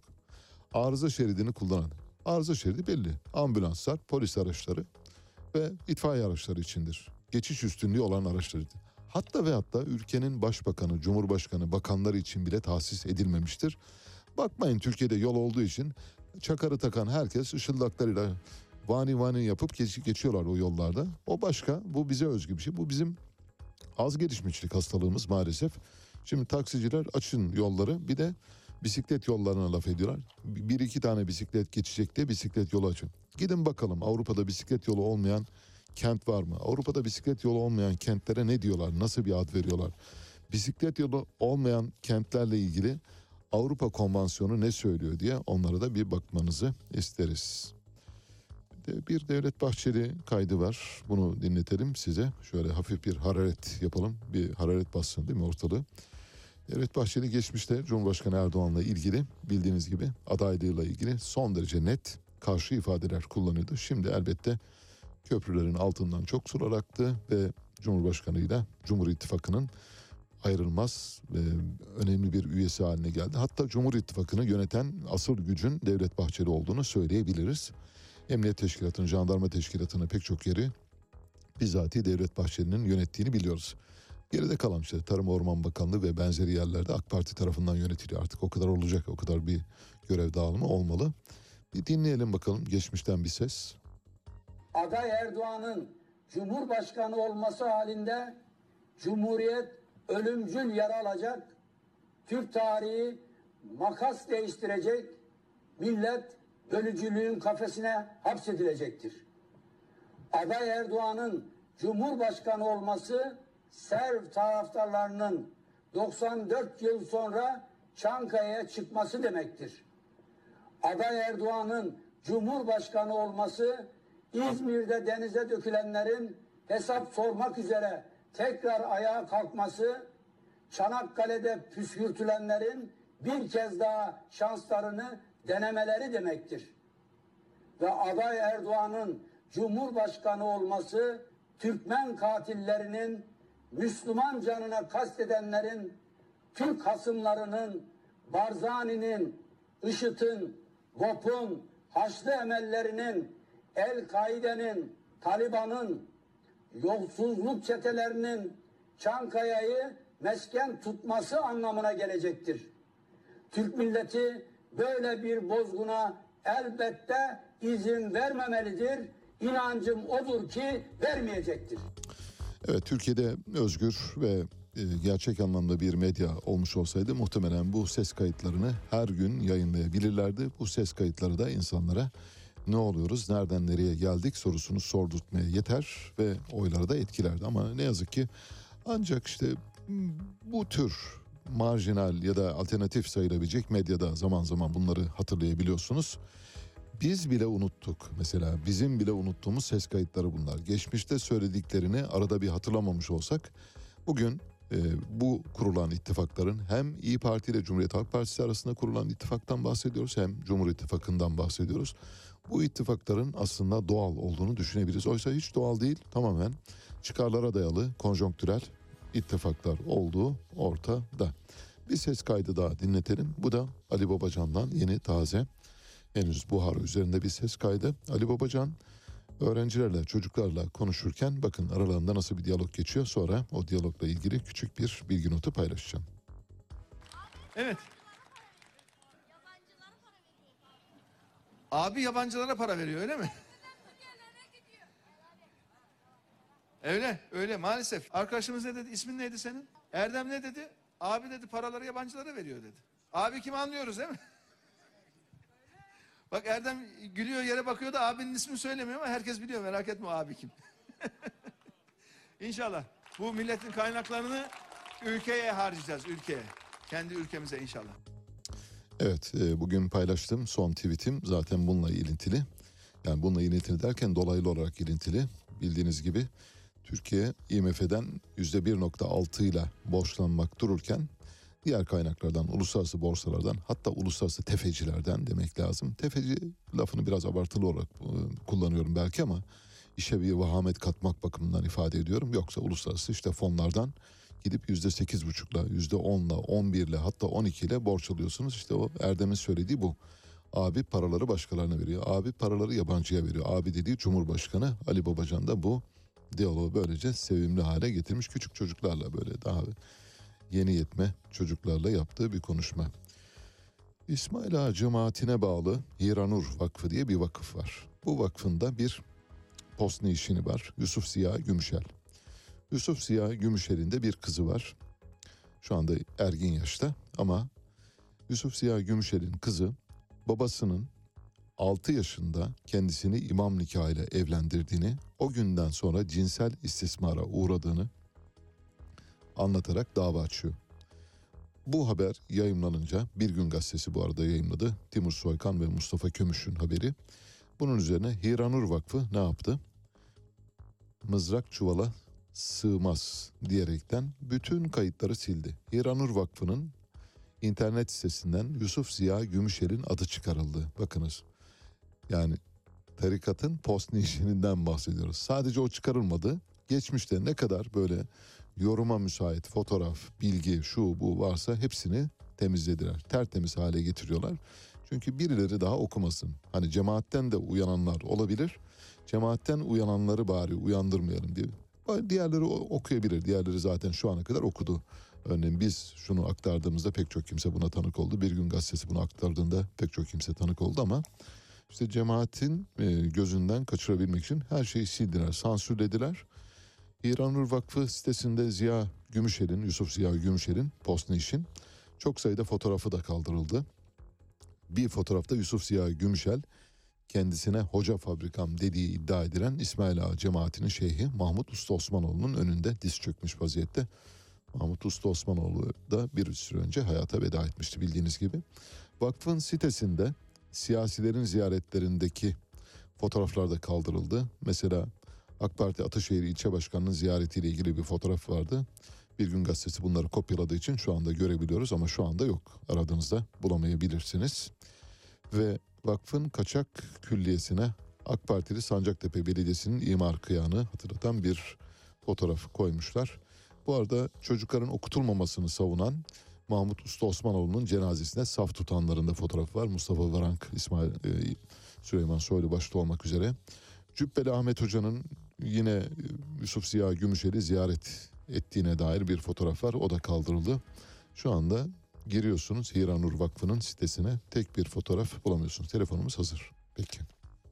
Evet telefon bağlantısı saatimiz geldi. Telefon bağlantısından sonra yaklaşık 10 dakika konuşacağız. Arkasından birkaç haberimiz daha var. Onları paylaşmayı sürdüreceğiz. Enflasyonu konuşacağız. Enflasyon bildiğiniz gibi %2.88'lik bir düşüşle, düşüş hızı var. Yani hızında bir yavaşlama ortaya çıktı ama enflasyonun bittiği anlamına gelmiyor. Elbette bu tahmin ediliyordu. Aralık ayı itibariyle enflasyonun yavaş yavaş düşüş patikasına gireceğini, yavaşlama patikasına, yatay bir patikaya gireceğini biliyorduk. Hatta Ocak, Şubat, Mart ayları itibariyle bir düşüşe de geçeceğini biliyoruz. Ancak Mart ayından sonra Benim iddiam bu. Şimdi bakalım Erhan Aslanoğlu ne diyecek. Mart ayından sonra enflasyonda yeni bir tepe noktası görebiliriz. Neden? Çünkü seçim var. Seçim varsa o zaman harcamalar artacak. Harcamalar artarsa doğal olarak kamu kaynaklarından epey bir para çıkacak. Kamu kaynakları kamu harcama yaptığı için e, hane halkları da bir parça harcama yaptığı için e, asgari ücret de 10 bin lira olursa bu durumda harcama yapanların sayısı artacak. Yani zaten büyümemiz biliyorsunuz iç tüketime dayalı ve kamu kaynaklarına dayalı. Dış tüketimi neredeyse unuttuk. Turizmden bir parça katkı var o kadar. Böylesine hormonlu ve kalitesiz bir büyümeye tanıklık ediyoruz maalesef. %85'lik enflasyonu kalitesiz bir büyümeye uğruna öne çıkarmış durumdayız. Bakalım enflasyonla ilgili analizi nedir diye soracağız. Piri Reis Üniversitesi Rektör Yardımcısı Profesör Doktor Erhan Aslanoğlu bizimle birlikte. Erhan Hocam hoş geldiniz. Hoş bulduk. Günaydın Ali Bey. Yolda mısınız hocam? Yani sizi e, ne kadar yolda tutacağımı hesaplamaya çalışıyorum Yok. şu an. Yoldayım, yoldayım. Tamam, peki. Gayet şey e, güvenli bir şekilde Tamam, peki. e, sizinle görüşüyorum şu anda. Çok teşekkürler. Umarım kesilmez. Ee, Bazen ölü bölgelere giriyor. Şimdi 10 dakika kadar vaktimiz var. Ee, Bize enflasyonla ilgili e, tahlilinizi aktarmanızı rica ediyorum. Nasıl bir seyir var? Ee, İşte enflasyonda tepe noktayı gördük herhalde. Öyle düşünüyoruz. Bundan sonra artık aşağı doğru gidecektir. Ama 2023'ün sonu ve 2024'ün sonu itibariyle her şey böyle devam ederse nasıl bir enflasyon olabilir? Yani rakamsal telaffuz edebilirseniz sevinirim. Buyurun. Teşekkürler tekrar. Tabii Ali Bey her şey böyle devam ederse biraz zor gibi gözüküyor. Yani Türkiye'de Etmeyecek çünkü, enflasyon, evet. evet. Enflasyonun nedenlerine baktığımızda döviz kurlarından e, talep koşullarına, dünya enerji fiyatlarından yönetilen, yönlendirilen fiyatlara, piyasadaki işte yapısal sorunlara kadar birçok neden var. E, muhtemelen bunların bir kısmında değişiklik olacak ve e, çok da e, olumlu yönde olmayabilir. Eğer biz e, gerekli adımları atmazsak. Tabii en önemlisi Türkiye'nin enflasyonla mücadelede uygulayacağı politika olacak. Yani ana belirleyen o olacak ama şu anda maalesef uyguladığımız politika para politikası gevşek olduğu için faiz arttırımı değil iniş yönünde olduğu için de enflasyonla işte mücadele edemiyoruz maalesef. Ee, şimdi baz etkisi dediğimiz bir etki var. Ee, bu bu etkiyi bekliyorduk. Kasım olabilir, Aralık'ta kesin olacak dediğimiz etki Kasım'da da ortaya çıktı. Evet. Ama e, enflasyonun nedenlerinden kurların uzun süredir yatay gittiğini, enerji fiyatlarının düştüğünü, e, ekonominin yavaşladığını düşünecek olursak bütün koşulların uygun olduğu bir ayda bile aylık 2.88 3'e yakın bir enflasyon üretiyor ekonomimiz. Tabii. Ee, bu baz etkisiyle geçen yıl çünkü 3,5 civarındaydı. Bir, bir, bir buçuk puan bir düşüş oldu. Gelecek ay e, ve önümüzdeki birkaç ay muhtemelen devam edecektir. Ama e, siz de biraz önce belirttiniz. Türkiye e, muhtemelen Ocak'tan itibaren e, büyümeyi iç talebi bayağı canlandırıcı bir politika çerçevesine dönecek görünüyor. Evet. Burada e, ücret artışları bir tarafta ki kesinlikle gerekli o, o konuda hiçbir Tabii. tereddüdüm yok. E, maliye politikası OVP'de öne çıkan e, bütçe açığındaki artış e, biraz da emanet kalemleriyle gelecek yıla sarkıtılarak etkisini gösterecek. Zaten gelecek yılın bütçesi önden yüklemeli muhtemelen harcama tarafı ortaya çıkacak. E, dolayısıyla bir talep etkisi e, ciddi biçimde görülecek. Bir de Merkez Bankası'nın faiz indirimleri KGF, Kredi Garanti Fonu paketleriyle desteklenerek e, yani kredi büyümesinin de büyümeye katkı sağlaması sağlanacak sanıyorum. Dolayısıyla baz etkisiyle enflasyon düşerken bir taraftan da enflasyonu yukarı çekecek dinamikler öyle e, ciddi biçimde güçlenecek. Yani baz etkisiyle düşen enflasyon muhtemelen e, patinaj yapacak bir süre sonra birkaç ay içinde ve yukarı gitmek için bayağı bir enerji toplamış olacak. E, düşüşü, düşüş hızını e, engelleyecek e, Evet. şeye kadar, Mart'a kadar falan ama dediğiniz gibi gelişmelere bağlı olarak, kurun seyrine bağlı olarak Mart'tan, Nisan'dan itibaren tekrar yükseliş eğilimine girebilir. Ee, bundan sonrası yani daha doğrusu gelecek yılın ikinci yarısı ise seçim sonrası nasıl bir çerçeve olacağına bağlı. Ama bence e, ana çerçevede baz etkisinden sonra bizi tekrar bir çıkış bekliyor. Eğer sıkı para politikasına güçlü, yapısal reformlarla güçlü bir dezenflasyon programına dönersek o çıkış bir süre sonra aylar içinde ama frenlenir. Gelecek yılın enflasyonu bence yine yani önce 40'lara inecek sonra belki 50-60'lara doğru çıkacak. Sonra yıl sonunda belki 40-50 bandında bitirebiliriz diye düşünüyorum. 2024 eğer Evet. kapsamlı güçlü bir dezenflasyon programı ile gidersek hani e, 20'nin altı 15'ler civarına bile inebilir. E, ama dediğim gibi o çok güçlü e, 2001'dekine benzer veya daha fazlasını içeren bir e, paketle mümkün olur. Aksi takdirde Türkiye hiperenflasyon riski bile olabilir diye düşünüyorum. Çok güzel anlattınız. Ee, bir başka konu soracağım. Yani bu konuyla bağlantısı yok ama e, sizi bulmuşken sorayım diye aklıma geldi şimdi. Şimdi bildiğiniz gibi Merkez Bankası ve Bankacılık Düzenleme Denetleme Kurulu BDDK bankalarla ilgili yeni yeni regülasyonlar çıkarıyorlar. Bu yeni regülasyonlar her gün değişebiliyor. Son 4 ayda 30'dan fazla regülasyon gerçekleştirdi sadece bankalarla ilgili. Bu tabii e, Hakan Aran'ın dediği gibi İş Bankası Genel Müdürü'nün bir ülkede e, regülasyonlar çoksa o ülkede belirsizlik vardır diyor. Yani eğer çok fazla regülasyona başvuruyorsanız demek ki bir belirsizlik var ortadan kaldırmaya çalışıyorsunuz. Bu son derece felsefik bir açıklama ayrıca çok e, yerinde olduğu için söylüyorum hatırlattım. Doğru. Sorum şu. Şimdi bankalara bildiğiniz gibi bir e, mevduat e, tasnifi getirdiler. Mevduat e, kalıbı. %50 TL mevduat, %50 döviz mevduatı. %50'nin üzerine çıkma halinde bankalar ve diğer bankalara göre daha avantajlı olacak. Yani onlara bir avantaj sağlanıyor. Eğer %50'den fazla döviz mevduatı bulunduruyorsanız orada dezavantajlı duruma geçiriyor sizi. Size bazı küçük küçük komisyonlar gönderiyor. Onlar da sizin gelir kaynaklarınızı azaltıyor, gelirinizi azaltıyor. Şimdi bankalar buna bir çözüm buldular önceki gün. Mucizevi bir şey yani Türk haklı diyeceğim. Ama meşru bir şey bu arada. Bankalar yasa dışı bir şey yapmıyor. Gayrimeşru bir şey de yapmıyor. Şunu yapıyorlar. Örneğin ben gittim bankadan bir ticari kredi çektim. Banka müdürü bana diyor ki Ali Bey diyor 100 milyon TL çektiniz diyor. Bu paranın 30 milyonunu bizde bırakın. Vadesiz hesapta tutalım. 70'ini alın. Bu 30 milyon birkaç gün kalsın bizde diyor. Ben de hay hay diyorum. Yani bir şeyde vadesiz hesapta küçük de olsa bir faiz alıyorsunuz sonuçta.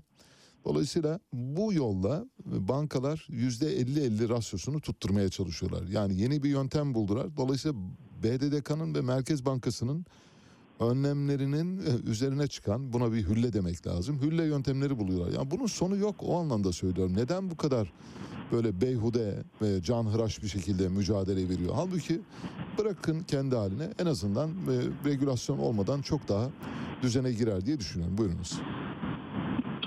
Gayet güzel özetlediniz Ali Bey. Yani hani olan ve bankaların nasıl çıkış yolları aradığını yasal yöntemlerle.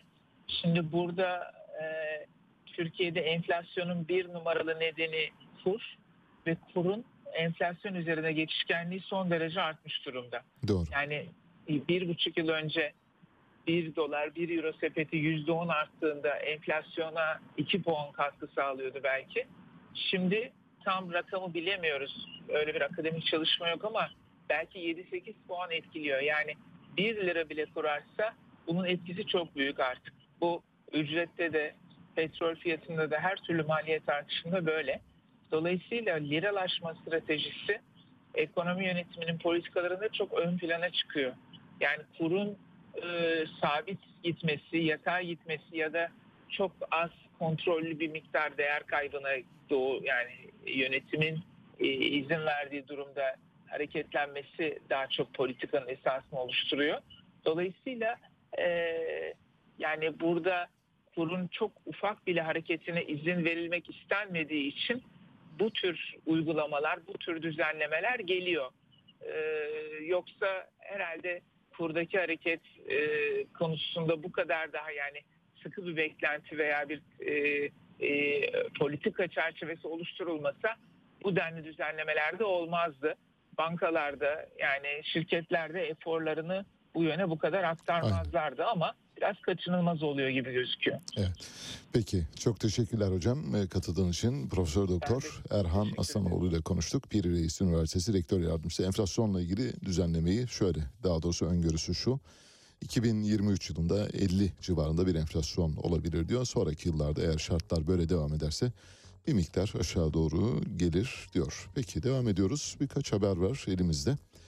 Bir tanesi Hollanda'dan bir mahkeme kararı. Ee, Hollanda'daki mahkeme kararı göçmenleri ilgilendiriyor.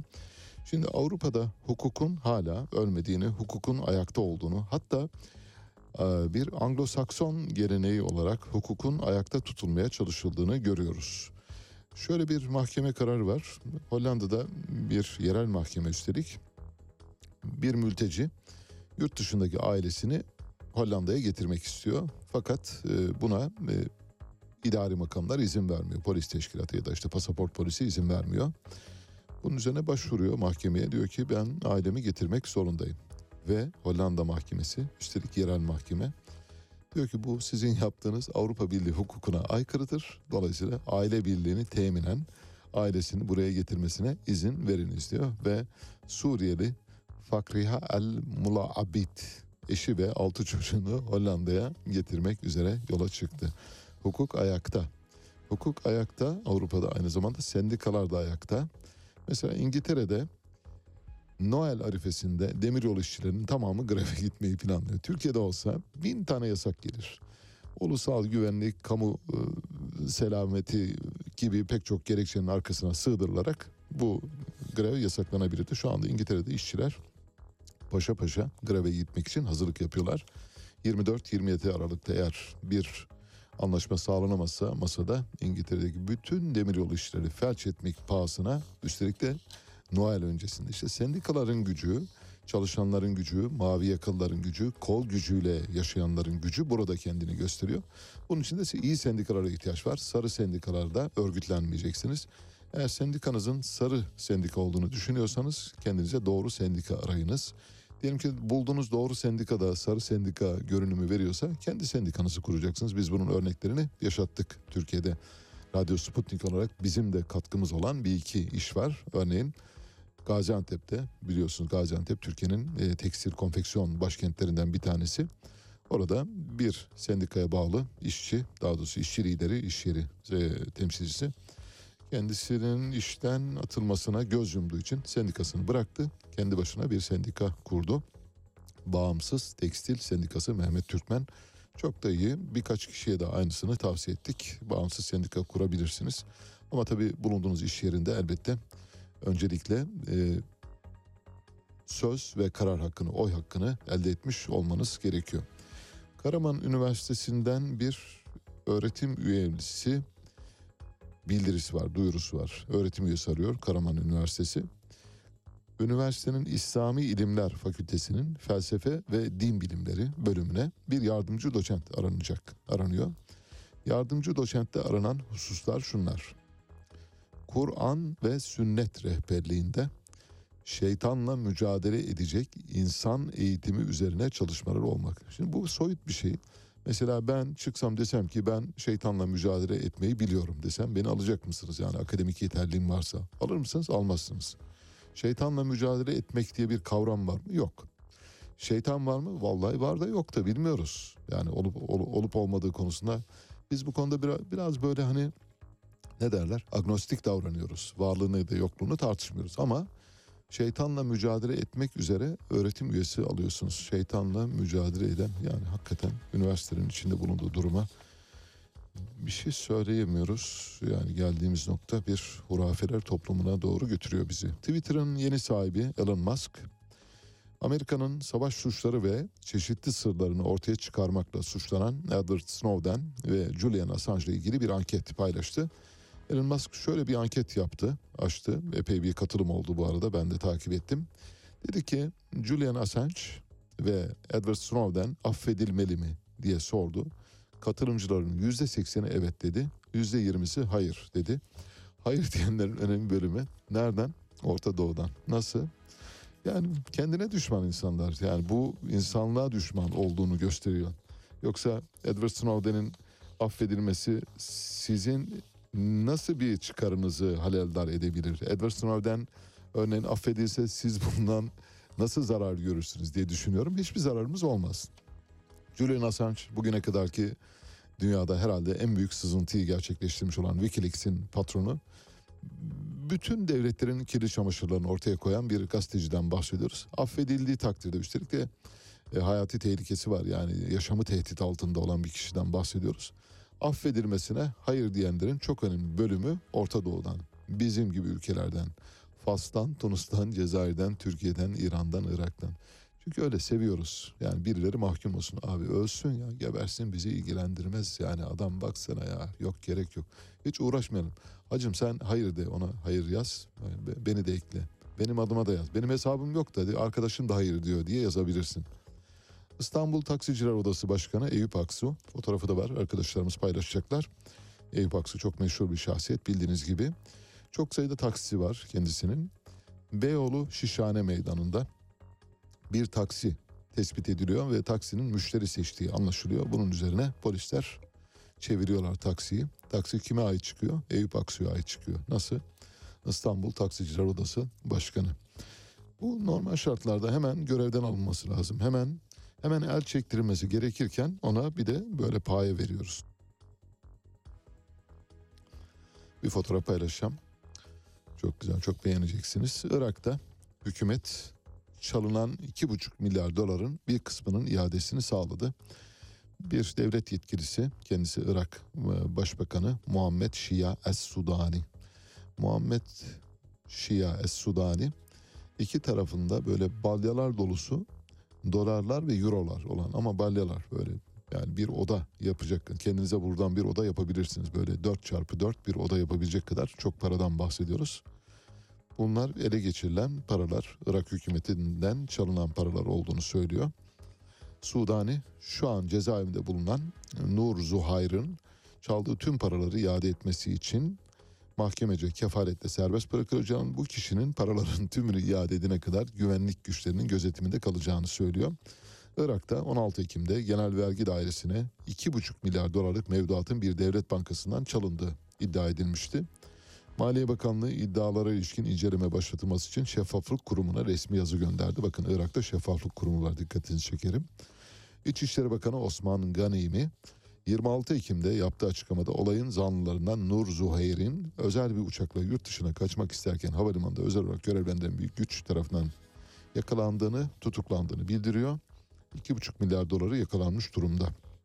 Bu çaldığı paranın onda biri bile değil öyle söyleyelim. Çok daha büyük bir para geliyor. İngiltere Ukrayna'ya Brimstone füzeleri satmaya başlayacak. Brimstone füzelerinin görselleri var. Bu arkadaşlarımız paylaşacaklar. İngiltere Savunma Bakanlığı Ukrayna'ya yüksek hassasiyete sahip Brimstone 2 2 füzelerini gönderdiğini doğrulamış. Savunma Bakanlığı'nın Twitter hesabından yapılan açıklamada İngiltere yardım paketinin bir parçası olarak Ukrayna ordusuna Brimstone 2 hassas güdümlü füzeleri sağladı ifadesine yer verildi. Bakanlık ayrıca askeri nakliye uçağına füzenin yüklendiği anı gösteren bir video da paylaştı. Tabii yüklemeseniz olmaz. İlla göstereceksiniz böyle hani kör kör parmağım gözüne. Füzelerin miktarı ise belirtilmedi. Daha önce Telegraph gazetesi İngiltere'nin Ukrayna ordusuna Brimstone füzeleri sağladığını yazmıştı. Gazete yazmış. Türkiye'de böyle şeyler biliyorsunuz kol kırılır yen içinde olduğu için bunları göremiyoruz.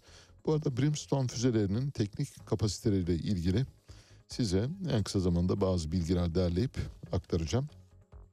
Brimstone füzeleri ve diğer batılı NATO ülkelerine ait füzelerin kabiliyetleriyle Rusya'ya ait füzelerin kabiliyetleri yani S-200, 300, 400 ve şu anda üretim bandında olan S-500 füzeleriyle ilgili küçük bir değerlendirme yapacağım. Eğer uygun bir zaman yakalayabilirsem böyle bir şey yapacağım. Çünkü NATO'ya karşı Rusya'nın büyük bir üstünlük sağladığını biliyoruz. Ne zamandan beri Arap-İsrail savaşından bu yana bir türlü NATO belini doğrultamadı. O zamanki Sovyetler Birliği'ne bugünkü Rusya'ya karşı S-200, 300, 400 serisi füzeler şu anda emsalsiz ve batılı savaş uçaklarının korkulu rüyası. Eğer bugün Amerika Birleşik Devletleri tıpkı Libya'da olduğu gibi Suriye'yi yerle bir etmediyse Amerika Birleşik Devletleri geçmişte yerle bir ettiği Orta Amerika ülkelerini bugün Venezuela gibi Venezuela yok edemiyorsa işte bunlar S serisi füzeler sayesindedir. Bildiğiniz gibi Venezuela'da 6 adet S-300 bataryası var. Her bir batarya 12 hedefe kilitleniyor. 12 çarpı 6 mesela havalanan bir Amerikan filosunun tamamını indirebilecek durumda. 72 uçağı şak diye indirebilecek durumdalar. Çünkü S serisi füzelerin ivmelenme hızı o kadar yüksek ki 4.8 saniyedeki hızı 4.8 tuşa basıyorsunuz füze tuzlada. Bu kadar. Yani öylesine güçlü bir ivmelenmesi var. S serisi füzelerin ivmelenme kabiliyeti 20G'ye eşit. 20G nedir derseniz mesela bu Luna Parklardaki kaydıraklar var ya roller e, scooterlar onların ivmesi 4.6. Mesela roller scooter'a binenler göreceklerdir, bir hissedeceklerdir. Yani orada bir ölümcül korku vardır. Yani içiniz boşalır öylesine. O 4.6 6G'de pilotların şuuru bulanır. Yani herhangi bir uçağın F-16, F-4 neyse F-104 şuuru bulanır. 7.9G'de de pilot ölür. 20G ile gidiyor. Şimdi 20G ile giden bir aparat var. Bu 20G ile giden aparata karşı mücadele için uçak kaldırıyorsunuz. Uçak 7.9G'de pilotu şok geçiriyor ve ölüyor. Bu sebepten dolayı S serisi füzelere karşı Batı ya da NATO henüz daha istenilen silahı geliştirebilmiş durumda değildir. Bu yüzden böyle brimstone füzeleri falan filan diye fındık fıstık füzeleri bunlar atıyorlar. Onları da Ukrayna'ya maalesef işte paralarını almak için bedava vermiyor. Bu arada İngiltere onu da söyleyelim parayla satıyor. Peki S serisi füzelerle Batı'nın füzelerini Brimstone başta olmak üzere onlarla ilgili bir dosya hazırlayacağız. Bu bizim boynumuzun borcu olsun. Viktor Orban Macaristan Başbakanı üzerinde eski Macar Krallığı'nın sınırlarını gösteren bir haritanın bulunduğu bir atkıyla çıktı.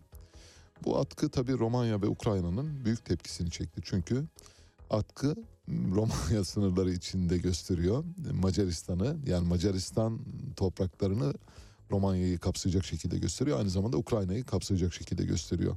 Tıpkı örneğin işte İsrail'in böyle büyük İsrail haritaları vardır ya. Ürdün'ü, Lübnan'ı, Suriye'yi, Türkiye'nin güneydoğusunu ve pek çok yeri kapsayan bir harita vardır. Büyük İsrail haritası dedikleri. O haritayla çıktığı zaman İsrail başbakanları genellikle Arap yönetimleri tarafından eleştiriler. Viktor Orban da bu atkıdan dolayı hem Ukrayna'nın hem Romanya'nın husumetini çekmiş durumda. Büyük Macaristan'ı kurmaya çalışıyor. Hazırsanız çok küçük böyle biz sizi geriye doğru götürüp şöyle 70 yıl geriye doğru götürüp bir paylaşımda bulunup 60 yıl diyelim tam tamına. Adnan Menderes nasıl bir başbakandı derseniz vallahi işte Adnan Menderes evet tabii asılmamalıydı asla idam cezasına zinhar kesinlikle karşıyız bunu belirtiyoruz. Adnan Menderes'in demokrat bir başbakan olup olmadığını kanıtlayan sözlerden bir küçük örnek sunacağım. Ondan sonra da forumu kapatacağız. Şöyle diyor bir konuşmada mülkiyede öğrencilerin eylemleri olurken Adnan Menderes gazeteler bu eylemleri öne çıkarınca şöyle diyor. Bugün fiilen bir ihtilal içindeyiz. Bütün bunlar yapılırken memleket menfaatlerini müdafaa ve muhafaza etmek ve kestirme yoldan her yerde her hareketi lokalize etmek suretiyle netice yolunda tertip almaktayız. Bu gazeteleri kapatacağız. Bu adamları içeri tıkacağız. Girilmezmiş emir verdik derhal girin dedik diye polise talimat veriyor.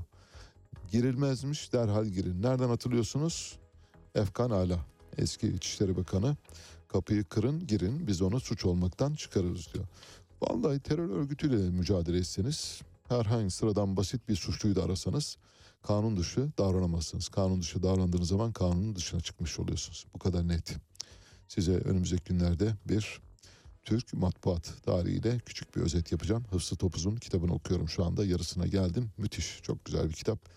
Böyle o dinlediğiniz zaman, okuduğunuz zaman anlayacaksınız ki Türk medyasında aslında böyle insanlar o kadar kolay saf değiştirebiliyorlar ki dün bu A partisinden yana gözüne görünenler bugün B partisi. Dün Atatürkçü görünenler ertesi gün İsmet Paşacı, ertesi gün Celal Bayarcı olabiliyorlar gibi böyle keşmekeş bir dünyamız var maalesef Türk medyası hakikaten çok sorgulanmaya muhtaç. Bitirdik. Bugünün de sonuna geldik. Bu yayını kumanda masasında Onur Er, editör masasında Doğru Kurgancı ile birlikte gerçekleştiriyoruz. Birazdan Mehtap Yeni Doğan saat 5 haberlerle karşınızda olacak. Size Altın Kelebek yarışmasında sivrilen öne çıkan genç bir sanatçı 24 yaşındaki Sefo'yu. Seyfullah Sağır'ı dinletiyoruz. Rapçi kendisi. Şu anda dinlediğiniz parça Kördüğüm. Güzel bir sesi var. Hepinize çok güzel bir gün diliyorum. Özlemiş bu şehrin içindeki koca caddeler. Mesafelerle boşuna niye zaman öldürdün? Değil elimde alamadım çiçek pasajından sana laleler. Çözülemiyor ipinin ucu bu nasıl bir kördü? Yalan, yalanlanamaz asla hala. Gönül olamadı sana negatif. Bugün aramız açıldı biraz. Yarına geri gelir neşemiz Yok gece gündüz Epey ıssız ve tersimiz düz. Yine yaşanır o kış Lacivert havaya karışır öykümüz Özlemiş ikimizi bu şehrin içindeki koca caddeler. Mesafelerle boşuna niye zaman öldürdün? Değil elimde alamadım çiçek pasajından sana laleler Çözülemiyor ipinin ucu bu nasıl bir kördü? İsteğim zararsız. İs. İstediysem olmaz. Yok ama gözlerin amansız. Yok gibi çaresi bulunmaz. Tabi onun aklı bende kalmaz. Gece gece vakti değil aranmaz ki. Mesafeler kısalmaz. Kalbim nadiren kırılmaz. Oh. Bana geliyor. Seni sevesim E yine deniyordum. Değil hevesim Sonunu biliyordum. Daha beni yorma. Oh, oh, oh, oh. Özlemiş ikimizi bu şehrin içindeki koca caddeler. Mesafelerle boşuna niye zaman öldürdün? Değil elimde alamadım çiçek pasajından sana laleler Çözülemiyor ipinin ucu bu nasıl bir kördü